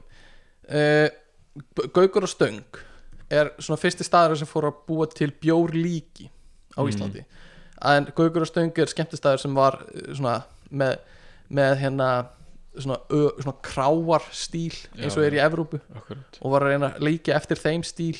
Mm. og þeir byrjuðu að bjóða upp á bjór eða, eða það sem þeir kölluðu bjórlíki Já, sem er basically bara stert áfengi eins og vodka, konjak, whisky eða eitthvað leis blanda saman við léttul já, bara uh, malt eða eitthvað akkurat. Og, og uh, fólk drakk þetta þetta er kannski kringu 5% áfengi. Uh, og uh, þú veist fólk var sammála um að þetta væri ógeðslega vond eða vond en gerði það samt. Og uh, fimm ára senna, þetta var semst í gangi held í cirka fimm ár þá var þetta bannað. Semst, þá, þá fannst fólki þetta vera einhvers konar svona uh, loophole sem þetta var að Já, einhverju leiti en samt eiginlega ekki að þetta var ekki bjór. Og þetta er basically bara tvö lögleg efni sem er held saman í glas. Já, ég meina fólk var örgulega að blanda já, já, sterku áfengi eða svona, já, blanda stert áfengi og þinna það já, já. en þetta var bannað sem sagt 1985 og hvað hljómar eins og það hafi bara verið einhverju stjórnmálamenn bara svona mm pyrraðir Já. vegna þess að þeir komist í gegnum þetta bara svona á bönnum þetta bara, já, algjörlega. Bara til að hefna sín. Algjörlega, en, en það var framleitt þetta léttul á Íslandi. Og léttul hefur verið eitthvað sem bara hefur fyllt íslensku þjóðinni frá bara fyrsta bjórbanninu. Að Egil Skallagrímsson og, og, og Ölgerðin og eitthvað framleitu þú veist, Egil Skallagrímsson uh, uh, by, byrjaði bara að framleiða þú veist, það var stopnað tveimur árum fyrir áfengisbannið og vissi að áfengisbannið væri að fara að koma og framleiði aldrei bjór heldur byrjaði bara strax að framleiða léttul mm. uh, en uh, sem sagt svo árið 1989 1. mars er bíadagurinn bíðdagurinn mikli bíadagurinn mikli þar sem allir íslendingar muna þeir muna hvað þeir voru að gera á bíadaginn mikla. En þá er bjór sem sagt leift aftur. Og, og þá var Egil Skull komið sagt, það er, hefur verið alveg frá upphafi. Og Löfum Brá og fleira. Uh, Budweiser og eitthvað svona. Uh, og, og þá máttu við kaupa aftur bjór. Ég man að það var mikið gert úr þessum degi í fyrra. Þegar það var 30 ára afmæli Immi, bjórsins. Já, í fyrra. 2009. ár. það er ekki 1989 Jú, 89, sorry, já, það er rétt. Uh, Já, og hérna Svo er náttúrulega uh, uh, bann á, á það er engarjættur á, á, á sölu áfengis. Mm. og það er svolítið áhugavert að við erum með þetta, það má ekki auglýsa heldur áfengi, Nei. en það má auglýsa áfengi að þú ert með léttul Mm og það er, það er eiginlega bara viðkend og fólk veit það bara að brugghús framleiði bara léttöl til þess að geta auglýst uh, bjórið sinn emitt af því það er engin sala á léttölu það bara sýnir sig. Já, já. og það kaupir engin léttöl basically. Þannig að að brugghúsin eru bara að framleiða þetta til þess að geta auglýst bjór. Einmitt. af því þau setja léttul bara í mjög litlum stofum. Já, sem er mjög fyndin svona loophole. En það, ég hef aldrei svona veitt þessu mikla aðtegli þú veist, það sem þeir eru að auglýsa já, er það raunverulega léttulið? Já eð, það, það er yfirlýst stefna hjá þeim. Eða maður hefur heyrt sko eitthvað svona eigil skull Mm. léttul He- held ég.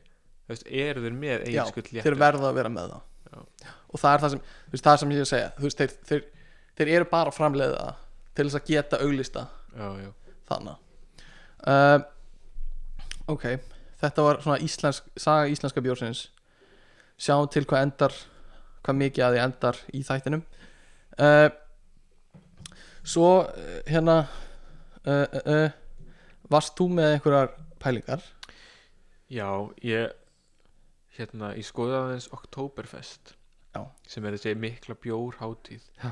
sem að hérna á uppruna sinn í Þýskalandi mm -hmm. Og hefur síðan dreifst út um allan heim Já. og er með þess að haldin á Íslandi eða svona í einhverju, einhverju mynd í september í september, já, þetta er líka haldið í september í, í, Eng- í Þýskalandi og alls það, ok. þetta nær alltaf frá sko svona miðjum september, kannski 16. 17. og svo aðeins fram í oktober ok, og þetta er reyndar held ég að við lesa að þetta er raunin ekki kallað Oktoberfest í Þýskalandi allavega ekki þar sem þetta er var Ó. upprunalega haldið ok og mér langaði svona til þess að spurja þig. Já. svona að gefa svona ég er með hérna nokkra krossaspurningar ok, aðeins að prófa þína þekkingu á ok. Oktoberfest þú Ég- hefur farið á Oktoberfest þannig á í Íslandi, já. HÍ, er það ekki bara HÍ eða Jú. nefn, einhver nefndafélag sem er að halda það? Ég held að HR megi vera, megi vera með megi vera með. Þið fáið leifi þannig að svona aðtöða, hvað, hvað þú veist um Oktoberfest Ok. hvað heldur þú að þú veitir mikið? 10 af 10, 10 á 10, ok þetta eru samt bara 5 spurningar. Ok, 5 af 5 5 á 5, ok. 100% ef við geta ekki þá, þú veist, skulda ég er 500 kall. Nice. Ef þú, ef þú nær ekki fullu húsi. Já. Samþykkt, skulda ég þér eitthvað? Uh, nei, sk- jú, ok ge- fjórar af 5 ef, ef, ef þú nærði ekki þá þarf það að taka nei, ef ég næ fjórum af 5 þá þarf þú að taka 10 arbur ok, ok, annars, annars að ég 500 kall. Já, og ég ætla að Nice. setja það á, á Instagram eða þú þarf að gera oh, nice. ok. Sko fyrstu tvær spurningarnar eru svolítið svona hvar og hvenar spurningar. Ó nei. Þetta er eitthvað svona staðrænda spurningar. Já, já, þetta er allt staðrættu spurningar. Uh, væntalega, en svona leiðinda sko, eins og ég sagði Oktoberfest hefur verið haldið sko víða um heim. Já, En. Hvar var Oktoberfest upprunalega haldið? Var það í A Hamburg, mm. B Bólungarvík C München eða D Berlín? Hér lókusvar það er rétt svar. 100% 5 af 5 baby. Baby. Þá er það hvenar spurningin? Ok, hvenar, hvenær? Hvaða ár? Mm. það er að segja. Uh oh var Oktoberfest haldið fyrst í München í Þýskalandi. Var það árið 1750 ok, sama ár og Eggert Ólafsson og Bjarni Pálsson gengur fyrstur upp á heklu. Bara svona veist til þess að til að fá bara svona mynd af Já. já. bara svona átt að segja á saminginu sko. ok, var það árið 1826 sama ár og tveir fyrrverandi fórsetar bandaríkjana Thomas Jefferson og John Adams letust báðir 4. júli á 50 ára afmæli undirskriftar sjálfstæðis yfirlýsingar bandaríkjana ha, er þetta satt? þetta er satt, letust þér á sama degi? Já, sama dag 4. júli, akkurat á 50 ára afmæli í rauninni stopnunar bandaríkjana er þetta ekki, þarf ekki að gera eitthvað í þessu eða er þetta ekki, þetta getur ekki verið tilviljun samsæri Coinciding? helvítis eðlu fólkið sem sagt, já þetta var 1826 já, var það árið 1863 já, sama ár og Kristján níundi Danakonungur skrifaði undir plagg já. þar sem Slesvík er lýst sem hluti af Danmörku.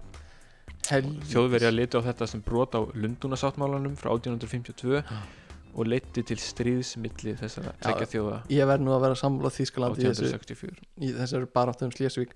Uh, er maður ekki alltaf sammála Þýskalandi? ég er alltaf sammála Þýskaland í öllu.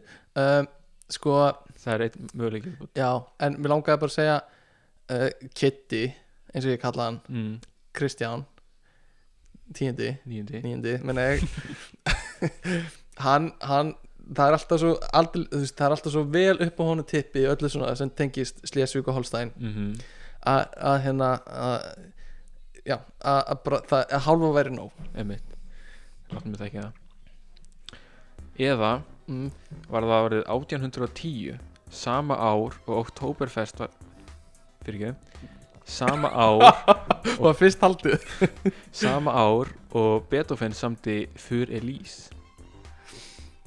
Það er svolítið áhugavert að fórst aftur tilbaka fórst ekki 1860 og svo 1810 í síðasta?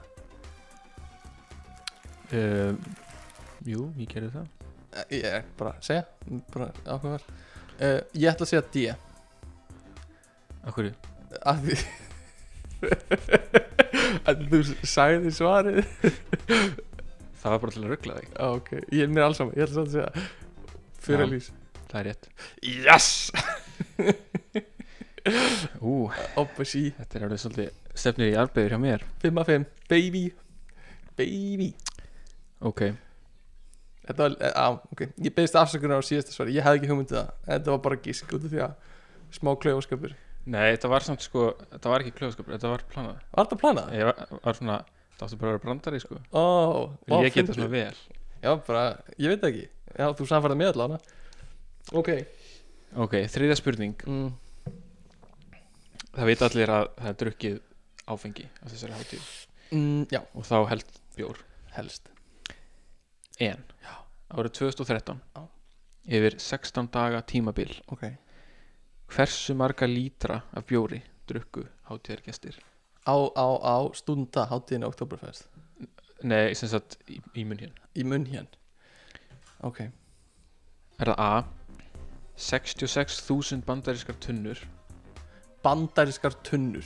Já, Þetta er frábær mæli eining Ok, bara svona, bara svona hérna Sem ég hef notabunni enga leið til að vita hvað er stórt. E, bara ímyndað er bara tunnu Tunnu og það hún er er bara bandarísk bandarísk, Ok, McDonalds á henni og- Ok, og hérna þetta er svona barrel sko.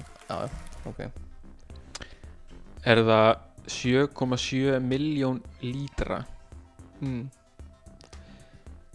er það 1700.000 bresk gallon Ok, eða imperial gallon. Ok. Eða 1838,24 kúlur með radius 1 metra. Sko, ég, vil ekki hugsa mig oflengi um af því það er leiðilegt útvarp mm Mhm. Þannig ég ætla að reyna að svara hratt. En það er, ég vil taka fram, það er engin leið til að vita þetta fyrir mig. Af því í fyrsta leið þá er þetta ekki sama einingin og neina af þessu. Þannig að þetta er bara gísk mm. uh, Ég get ekki ímynda mér þessar kúlur eða bresku gallónin eða hvað þetta er. Af því ég bara Það er eftir með að gera mig grein fyrir eina sem ég gæti alveg liðið út frá er með radius 1 metra. Já, en, en ekki svona mikið af þeim. Uh, Eina sem ég get var ekki, þú sagðir eitthvað í lítrum Það er svona eina, eini núlpunktur sem ég hefði hana ég sagði 7,7 miljón Ég vil eh, meina síð D. Að því það er skemmtilegt, skemmtilegsta unitið. Kúlunar Já. það er rétt. Yes! Fucking. En reyndar eru öll sunnur rétt. Ó, ó. Ó, ó, ég var aðeins ánægð með mér. Fuck. Æ, allan, 5 af 5 baby já já, On the road. Þú ert eiginlega búin að fá tvær gefins hérna sko. Oh baby. Þriðja spurning, nei, fjóra spurning. Ok. Eins og við höfum talað um þá er Oktoberfest haldið víða um heim. Já. uh, mjög stórt náttúrulega. Mm en hver eftirfærandi staða er ekki á topp fjögur lista yfir staði með stærstu Oktoberfest hátíðar utan Þýskaland Ok samkvæmt Wikipedia. Ég veit ekki hvenær þetta var uppfært síðast. Ok. er það A uh, Bergen í Nóri Ok. Er það B Kitchener í Ontario? Kanada. Já. sem áður hétt Berlín. Er það uh, Cincinnati mm í bandaríkunum Já. eða er það Blumenau í Brasilíu Nei, þetta er gefið, þetta er Bergen B, nei A. Þetta er bókað, slegið, lock it in. Engin röksemda Nei. færsla. Bara 5 af 5 baby. Það er rétt. Fucking A. Yeah baby. Það er komið, 4 af 5 það er komið fjóra og fimm. Nei, byrju. Já, ég er að miska Það er ekki að Það er ekki fimm af fimm? Já, ég breytti því samt áðan En ég er búin að vera að segja 5 af 5 baby allan tíman En whatever 5 af 5 baby, höfum það þannig. Ég er alltaf góður í þessu. Joke, fyrir ekki um, Þú magna. Ég hef ekki hugmynd um þetta. Já, síðasta spurning. Mm. Það er allt eða ekkert hér. 5 af 5 baby. Uh, Oktoberfest var frestað. Eða, ekki frestað. Því var aflýst í Já. Og Eh. Við kallum það Oktoberfest Já. Því var sleið á Oktoberfest Já, Já, já. Og hérna Út af einhverju Einhverju veiru eða eitthvað. Já einhver kóróna. Einhverju kóruna veira. Mm Sem er held ég bara í Þýskaland samt. Já. uh, En spurningin er Já. Hversu oft hefur Oktoberfest verið aflýst? Á Íslandi? Nei, Í, bara í heiminum. stóra Oktoberfestið í Þýskalandi. Ok. Er það A? 25 25 25 Er það B? 11 mm. 11 11 11 sinn Er það C? 1 Ein. En gang. Sem er sem bara núna 2020 Já. sem já ég er að telja kóð með augljóslega. Já, já. Augljóslega. Væntanlega. Eða D 43 þessar Ú, sko, einn Ég, e, ég varst um að það sé bara einn Gæti verið. Uh, Fyrsta var allt og hátt. Uh, Þetta væri ekkert oktoberfest eða það væri búið að fresta það í 40 eitthvað sinnum. Sama með þetta 20 eitthvað bull. Þannig að það er annarkort 11 eða einn Mér, mér finnst þetta ekkert ólíklegt að það hefur verið frestað í, í hérna heimstyrjöldunni eða heimstyrjöldunum um. Fyrst að þetta var að byrjað 1960 og, Nei, 1800 eitthvað. Þannig að Mást ekki svona hvað þú svaraði? Jú, ég sagði 1800 10 uh, eh, þannig að eh, uh, annarkvæmst 11 sinnum eða einu sinni og ég ætla að segja 11 sinnum af því einu sinni eru lítið. Þannig að 11 sinnum, hvaða ár myndir að halda að það væri? Uh, sennilega í kringu fyrir heimstyrjöldina 1916, 17, 18 og svo 40, 1, 2, 3, 4, 5 kannski 6 en kannski ekki. Þannig að við erum með já kringu 10 ár. Ég veit ekki hvort það var eitthvað í kringum einhver stríð 1800 og eitthvað. En 1900 og eitthvað. Nei, Fuck. þú veist það ekki. Þetta var 25 sinnum. Fuck. Æjæjæj uh, Það má nú alltaf kalla þetta hátíð ef þetta hefur verið frestað svona oft sko. Nei, það er eiginlega rétt sko. 25 sinnum á 200 og eitthvað árum.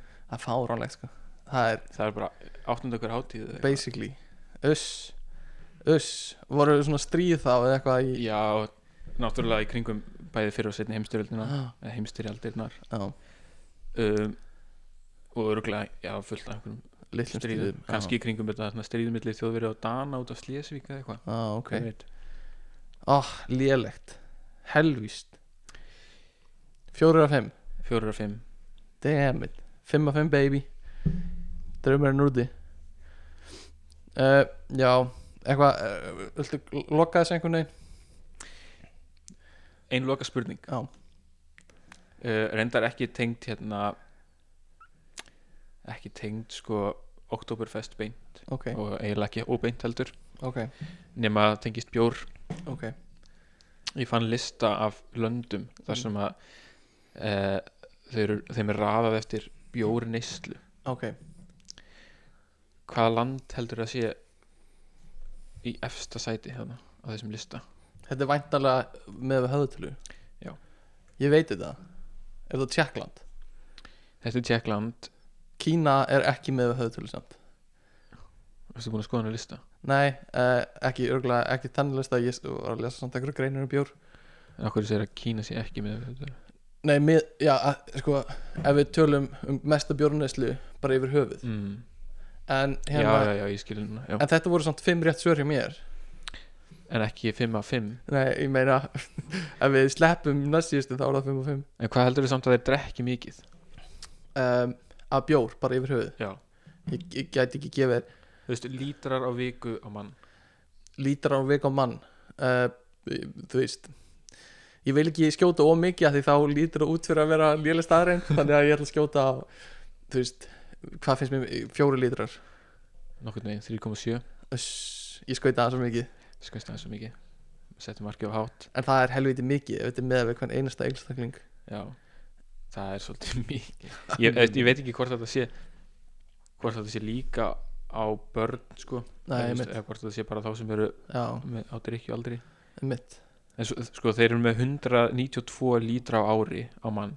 Og næsta Já. land er Austuríki með 107 Já, það munar hérna einhvern 80 lítrum. Það er helviti mikið. Hvað er það að gera í Tjekklandi?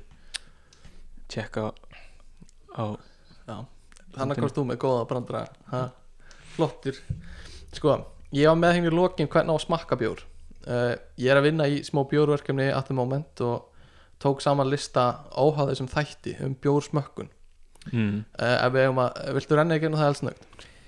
Já. uh, Sko, bjór er náttúrulega ekki lengur bara, þú veist þamp, þamp, búið, bless, dót eitthvað Nei. Það er orðið ein, einhvers konar listgrein að smakka Mhm. bjór og, og fólk vill þú veist, fara að smakka bjór í meira mæli hvenær gerðist það? ég held að sennilega bara þegar fólk hætti að, að þú veist, vera degi út í skurði og fór að, þú veist lifa í húsum og fór að geta hugsað um annað en bara vinnu og ekki degja skilur en er það að minna á Íslandi eða bara í heim? bara í heiminum sko þú veist, þegar þetta hætti að vera bara einhver drikkur til að vera fullur og varði einhvers konar snobb skilur, þá myndast alltaf einhver svona listgrein út úr því. Uh, og á Íslandi bara á síðustu tíu árum hefur einhvers konar uh, bjór menning farið að myndast á Íslandi. Mm -hmm. ekkert mikið fyrir það.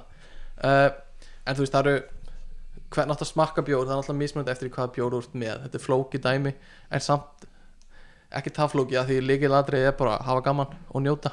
Þannig að þú veist ef þú ert ekkert að reyna að vera einhver sérfræðingur þá er bjórsmakk mjög skemmtileg aðtöfn sko. mm -hmm. þú veist bara einbætið að ég hafa gaman gaman og það getur verið bara þú veist piss lager eða einhver stát og þú ert að þykjast vita hvað þú ert að gera Mm -hmm. en það er fínt að geta Emitt og hérna og svona hafa grófa hugmyndum hverju þú ert að leita mm -hmm. og hérna hvort þú ert að leita að einhverju fingrafari sem bjórun á að hafa einhverju, einhverju sérkenni mm -hmm. uh, og hérna þetta er náttúrulega allt smekksadri en svona í, gur- í, fyrst er kannski þú veist að hafa í huga að, að bera fram kaldan bjór bjór sem á að vera kaldur að hafa hann kaldan og þess sem á að vera volgur að hafa hann volgan. Þú veist, þú veist ekki missa bragðið af eins og Guinness með því að kæla hann of mikið. Þú veist, ef þú ert að smakka, drekka Guinness og smakka Guinness þá viltu hafa hann eins og Guinness á að vera drukkin Já, já. Og saman með bjór.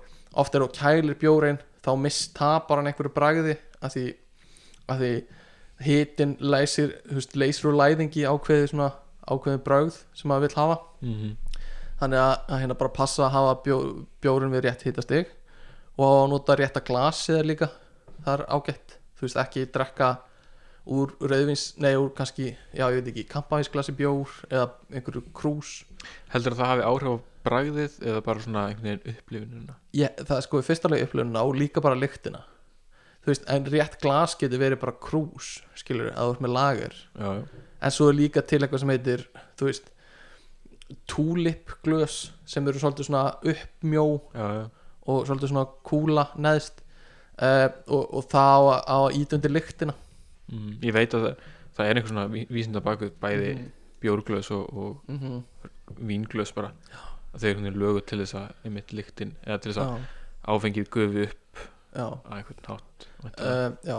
En, en sko líkilatri í glasinu er líka bara hafa hreint mm. ekki vera að drekka úr óhreinu glasi mm. sem var með mjólk í eða eitthvað svona nema þú sérst skilur þú mm. Björgvin þá viltu kannski hafa smá dreitilega mjólk uh, líka bara ekki drekka ef þú, sko ef að markmiðið er að smakka og njóta þannig ekki, ekki þamba þrjá, fimm lítra af bjór og þú veist og smakka, þú veist, þú missi bara af bjórnum, skilur, ef þú ert haugafullur, Já, já. Það er bara þú veist, það er bara þannig. Að ef þú ert orðin yfir ákveði ákveðið mikið fullur þá ertu ekkert að fara að smakka. Þú veist, það er alltaf lægi að bara verða fullur. Já, ég meina það segir sér sjálft ef þú ætlar að smakka fimm bjóra Já, þá ertu ekki að fara að drekka fimm heila bjóra. Nei, nei, nei, það er ekki þannig. Uh, en það er bara annað mál skilur ekkert mál, það er bara fínt að vera fullur en það er bara, þú veist, það er ekki smakk beint. Uh, og svo bara njóta bara mikilvægt að njóta og hafa gaman með vinnum og bara eða þú ert að smakka bjór er, gera það miklu skemmtilega að hafa annað fólk með. Uh, og þú veist líka síðasta svona intro atrið er að, að ekki bara hlusta mig, ég veit ekki neitt um þetta. Bara ég, ég er ekki mamma en bara kynntu þetta sjálfur líka. Uh, þó að það er kannski það sem þú ert að gera núna en, en hérna uh, þú veist ef, ef, þér, ef þú hefur einhvern hátt að því að smaka bjór sem þér finnst góður fínt, haldið þið bara við það. En allavega, hvernig svona tæknin við að smaka bjór? Mm -hmm. uh, þú, þú ert kannski að veltaði fyrir hvernig er hvernig svona, tæknilega séð er, er bjór smakkaður er ég að velta því fyrir mér? Já, veltaði aðeins fyrir þér. Ok, gemur nokkra segundur ok. Tikk, tokk, tikk, tokk ertu búin að veltaði fyrir þér? já. ok, spurðið mig. Hvernig smakka maður bjór, Ah. svona tæknilega? Mm, góð spurning uh, ok, það sem er fyrst hort á er að horfa á bjórin hort á bjórin og þá er, þú veist, ertu með gler sem sést í gegnum ekki postulín. Og hérna það fyrsta sem að gera er bara fylgjast með bjórnum fylgjast með útliðin á honum. Uh, er hann kolsýrður, er hann ekki kolsýrður? Á hann að vera kolsýrður, en er það ekki? Mm. og svona hlutir. Uh, þegar þú ert að hella bjórnum þá getur þú tekið eftir þessu er að koma fróða hvernig er áferðin á honum svona sjónræn áferð á honum. Uh, já, kemur mikil fróða og hérna er hann gruggugur? Er hann hérna er hann glær, er hann hvernig er liturinn? Uh, Nú vonandi ekki glær, en kannski tær. Já, tær, kannski glær. Uh, og ef hann er kolsýrður og ef hann á að vera kolsýrður þá reynir að hella nei, sorry, ef, já, ef hann er kolsýrður og á að vera kolsýrður þá hallar á glasinu örlítið og hérna hellir á svona brúnina á eða innri brún glassins. Þú veist, þú hellir ekki miðjuna á glasinu mm -hmm. ef hann hins vegar á ekki að vera kolsýrður þá viltu hella bara í miðjun á glasinu og leifa hann bara að, að hérna að koma hægt rólega upp án þess að halla glasinu ok, uh, þegar bjórun er komin í glasi þá berða hann upp á ljósi til þess að sjá betur í gegnum hann og skoðar bara hvernig hann lítur út og tekur bara eftir í það sem við vorum að tala um áðan. Þú veist hvernig útlitið er. Uh, hvort hann sé, já, skýr móðu, glær, tær allt þetta. Uh, og svo bara horfur á hvernig fróðan er að hegða sér.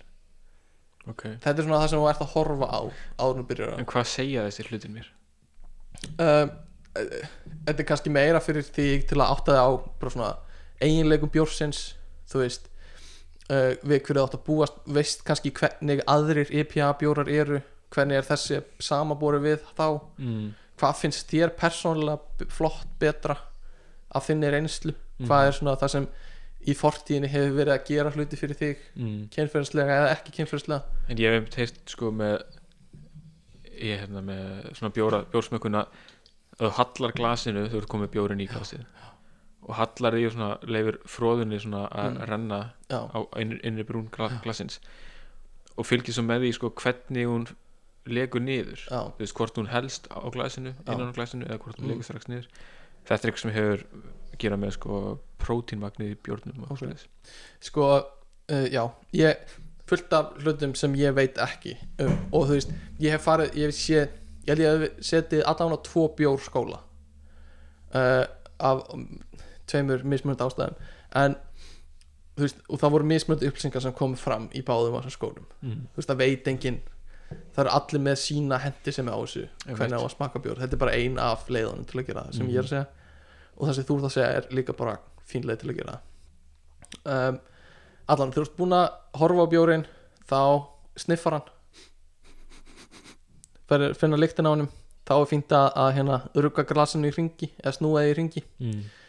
það er svolítið að segja snúa því í ringi er svolítið eins og heldur á glasinu og svo ferður svona að, að snúa sjálfu þér í ringi Já, ertu ekki meira, meira meina að þú reyfir já, glasi hreyfir hring? glasi uh, en þú snýrð ekki glasinu sjálfu samt. Nei, nei, nei, nei, nei. Þú, þú ruggar því basically, svona í Já. ringi eiginlega uh, Þetta á á að opna bjórin þannig að lyktin komi fram ok og þannig getur þú veist sniffaðan og þá stingur nefinniðinu oft bara vel ón í glasið mm. til að finna góða lykt á honum uh, þú getur hita bjórin með því að veist, halda lófanum á glasinu Mm.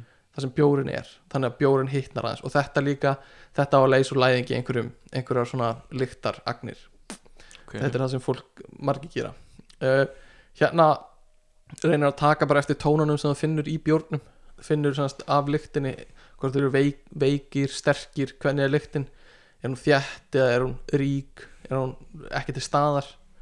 Uh, og þú veist, ef þú finnur enga lykt af bjórnum þá er það þú veist, þá ertu með COVID. þá ertu með COVID.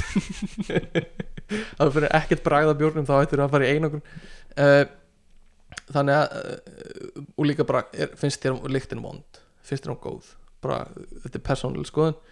Uh, sumum finnst gott að sko sko, sko aðtuga hvernig bjórin lítur út eftir að hafa lykt að honum. Og það er líka alveg hægt að svissa rauðin á þessu. Mm. Semast, fyrst að, að byrja að lykta og svo ert búin að lykta þá berðu bjórin upp á ljósi og skoður hann. Uh, af því að, að hérna þá er bjórin aðeins búin að jafna sig. Þú veist þá er búin að setjast það sem á að setjast í bjórnum og hérna uh, og, og og hérna þegar þú ert búin þá að horfa á hann semast, eftir að þú ert búin að lykta í fyrsta skipti svo horfir á bjórin metur hann og svo lyktar á hann aftur. Og þá farið kannski aðra lykt og þá reynir að taka eftir mununum á fyrstu lyktinni sem þú lyktaðir og svo seinni lyktinni, skilur mig? Mm. það, það getur verið að það sé mismöndir lykt að því bjórin er búin að jafna sig á milli. Mm. og þú reynir að finna kannski hvort það er einhver munur á því. Uh, næsta skref er að bara bragða bjórin þá bara tekur þú sopa og bara nóa bjór til að hilja tunguna þeina uh, le leifur honum að leika um varir þínar og tungun ég minn eini og gómin og tennunar og finnur bara fyrir áferðinni eh, svo kingir fyrsta sopanum og hafði munnin lokaðan og andaði út um nefið þegar kingir fyrsta sopanum. Uh, og taktu eftir uh, fyrsta bræðinu sem þú finnur. Og, og hvernig það varir er eitthvað eftirbragð og, og breytist það í eftirbræðinu mm. þetta er eitthvað sem þú gerir. Næsta sem þú ætlar að aðtuga er ekki bragð heldur áferðin á bjórnum Mm Vist, hvernig, hvernig er tilfinningin í mununum að þér? -hmm. og það er eitthvað sem þú gerir þá tekur þú annan sopa semst í öðrum sopa ætlar að reyna að einbytta þér að því. Ok. Og það er áferðin á bjórnum. Og þá reynir að þú veist, hugsa um þyngd bjórsins er hann grófur eða fín? Er hann, er hann hérna veist, er hann kolsýrður? Er hann þykkur eða, eða er grugg í honum eitthvað leis og þannig að máttu taka bara fleiri sopa og reyna að átta það á þessu. Og er öðruvísi bragð í seinni sopunum heldur en í fyrsta sopunum sem þú tókst. Mm. og svo, og, og svo leis uh, uh, og hérna svo er fínt að leggja mat hérna hversu auðvelt er að drekka bjórin er það bjór eins og kannski mjög súr súrbjór sem er erfitt að drekka? Og eða er þetta bjór sem lekur niður og rennur niður? Uh, það er eitthvað sem við myndum meta í áferð og bragð. Mm og svo er uh, flokkur sem, sem er líka bara uh, eða þetta svona reit, þú veist, dæma bjór þá er bara hvernig hef, hva, hvað skoðun hefur á bjórnum. Þú veist, bara svona persónuleg skoðun. Sem er þá bara svona þetta er bara gett þátt ákvörðun hjá þér. akkurat. Sem er líka, ef þú ert að gefa sér einhverja, einhverja engun þá er, þá er þetta, getur haft hennan flokk með. Þetta getur verið bara meðaltal af öllum hinum sem þú ert búin að segja. Mm -hmm. Eða bara eitthvað sem þér finnst. Þú veist, er þetta framleitt af nazistum, nýnazistum í bandaríkunum þá viltu kannski þá er þetta kannski ekki rosa há einhvern hérna. Eða er þetta bjór sem þú ældir yfir einhvern tímann og þú fara alltaf að klíu upp í hálsin þegar þú ert að drekka hann? Þetta er Já. svona persónlegt mat frá þér bara. En það er svolítið skrítið ok, ég veit að þetta er ekkit vísindalegt Nei. en þú, en markmið hlýtur samt að einhverju leiti að fá svona Já, ef, ef þú vilt fá bara mat. bara mat, bara kalt mat þá myndir bara setja þetta sem meðalengun af öðrum þáttum já, ég meina að þú ert með þú ert með hópa fólki mm, sem er allir að smakka sömu bjórana Já. þá þú veist, spurning hversu mikið vægi þetta hefur þú veist ef allir eru búin að vera einbyttis rosa mikið að því að mm, lykta Já. og smakka og Já. hvernig er áferðin og allt þetta, Já. hvernig er útlitið og svo kemur bara eitthvað svona já, engun já, og skekkir allt. Eh, já það gæti skekt allt. Þetta getur verið, þú veist líka tengt bara varstu fyrir vonbriðum þegar þú drakst bjórun eða eitthvað svona. Já, já, uh, þú veist þetta þetta þarf ekki að vera eitthvað veist, þetta getur verið kannski ef þau eru að smakka mörg saman og svo kannski er að meta hvort þau vilji smakka hvað bjór þau vilji smakka næst. Og þá kannski horfið á bjórna og þá er þetta að draga niður einhverja engunir veit ég ekki, mm. kannski. En þá er það bara góð hlutir af því þú veist, þá er eitthvað við hann bjór sem lætur ykkur ekki vilja smakka hann aftur. Já, já, eða eitthvað. Þú veist, það er, það er þetta veist, þetta er svona x-faktorinn í þessu. Mm. mm. hvað hvað hérna uh, hver er svona tilfinningin á bjórun en, en þú veist, það, það þarf ekki að vera með. Þetta er bara svona bónus. Þú segir að ég vera með, að, mér finnst að ég vera með eða þú veist, mér finnst fínt að hafa það með. Þá hef ég það bara með. Gott. Uh, þetta voru bjór smökkun, bjór bjórsmökkun bjór. En hvað á maður að sk- þú veist, skirpa hann út úr sér? Nei, þetta er ekki eins og vínsmökkun held ég. Nei. þetta, þú drekkur þetta bara. Því að það er náttúrulega þegar þú ert búin að smakka fimm bjóra þá Mm. ertu já, hvað ertu komið mikið áfengi í blóðið þá? Ekkert rosa mikið sko. ekki að þú ert með þú veist, þú ert kannski smakka með fjórum, fimm öðrum. Og þú færið bara þú veist, þú fær 50 centilítra eða eitthvað í hverjum sopa, nei, í hverju smakun já, akkurat. Þannig að, að þú getur smakkað 40 bjóra eða kannski 30 bjóra og verið bara þokkulegur en þú veist, bara pæla þegar þú ert komin í bjórnúmer 25 þá er vantalega domgrindin það er þannig sko. já, já, það er þannig. Og, og það fyrir svolítið að ég er í, í bjórklúb þar sem við smakkum bjóra. Mm, og það er svolítið þannig að, að, að eftir svona 20 bjóra þá er einhvernig á bjórunum farin að vera svolítið svona uniform. Já, og það er bara, já, þrýr, þrýr, þrýr, þrýr, þrýr en er, ertu þá, þú veist, hvort er það bara orðin, þú veist fullur eða, eða ertu bara hættur að nenna þessu? Sko ég held að sé blandað að þú ert orðið fullur þú ert hættur að nenna að einhverju leiti og bragð skínið er bara orðið dopnara já, þú veist, bjór sem manni finnst ógeðslegur eða kannski fyrsti bjór sem það drekkur mm þú finnur eiginlega ekki bragð á honum ef, þú veist, ef þetta er 30. bjórið einmitt. Þannig að ef þú vilt alveg smakka bjór þá ertu kannski ekki að smakka það mikið. Nei, en ef þú vilt bara hafa gaman og, og nota bjórsmökkur sem afsökun bara gera það sem þú vilt sko. það er ekki bara motto í lífinu. Jú, ég held að gera það sem þú vilt.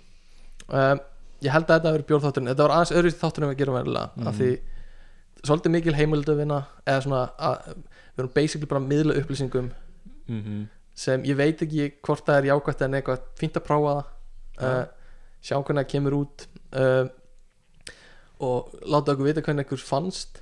Uh, við erum rosa meðvitaðar um að þetta er ég veit ekki aðeins öðruvísi. Stöður í þróun. Þetta er í stöður í þróun það er svolítið erfitt líka að vera með að reyna að muna allt sem maður var að kynna sér og, já, sérstaklega þegar maður var að kynna sér það 20 myndum áður en maður var tvo byrjaði að taka upp. Sumt. Eða segja mér spurningar hérna 5 myndum fyrir upptökum uh, já, en Björgvin allar að taka arbeigur mm -hmm. mm. var það niðurstaðan af reglunum? Já, já, já. Ég get með þess að spila það aftur. En, en ég náði þeim spurningum ekki af 5 nei, þú náðir svona já, næstuði 6 sko því að ég meina 3,7 lítrar eða 4 lítrar þetta er svona já, nokkurn veginn. Trú já, ég skal taka 7 árbjör ok, sjö arbeigur, sáttu við það. Það kemur á Instagram. Um, ok, uh, ég heldur sem góður. Eitthvað meira sem þú vilt bæta við? Ég held ekki, ok, bye. Góða drikju já, góður drikki, bye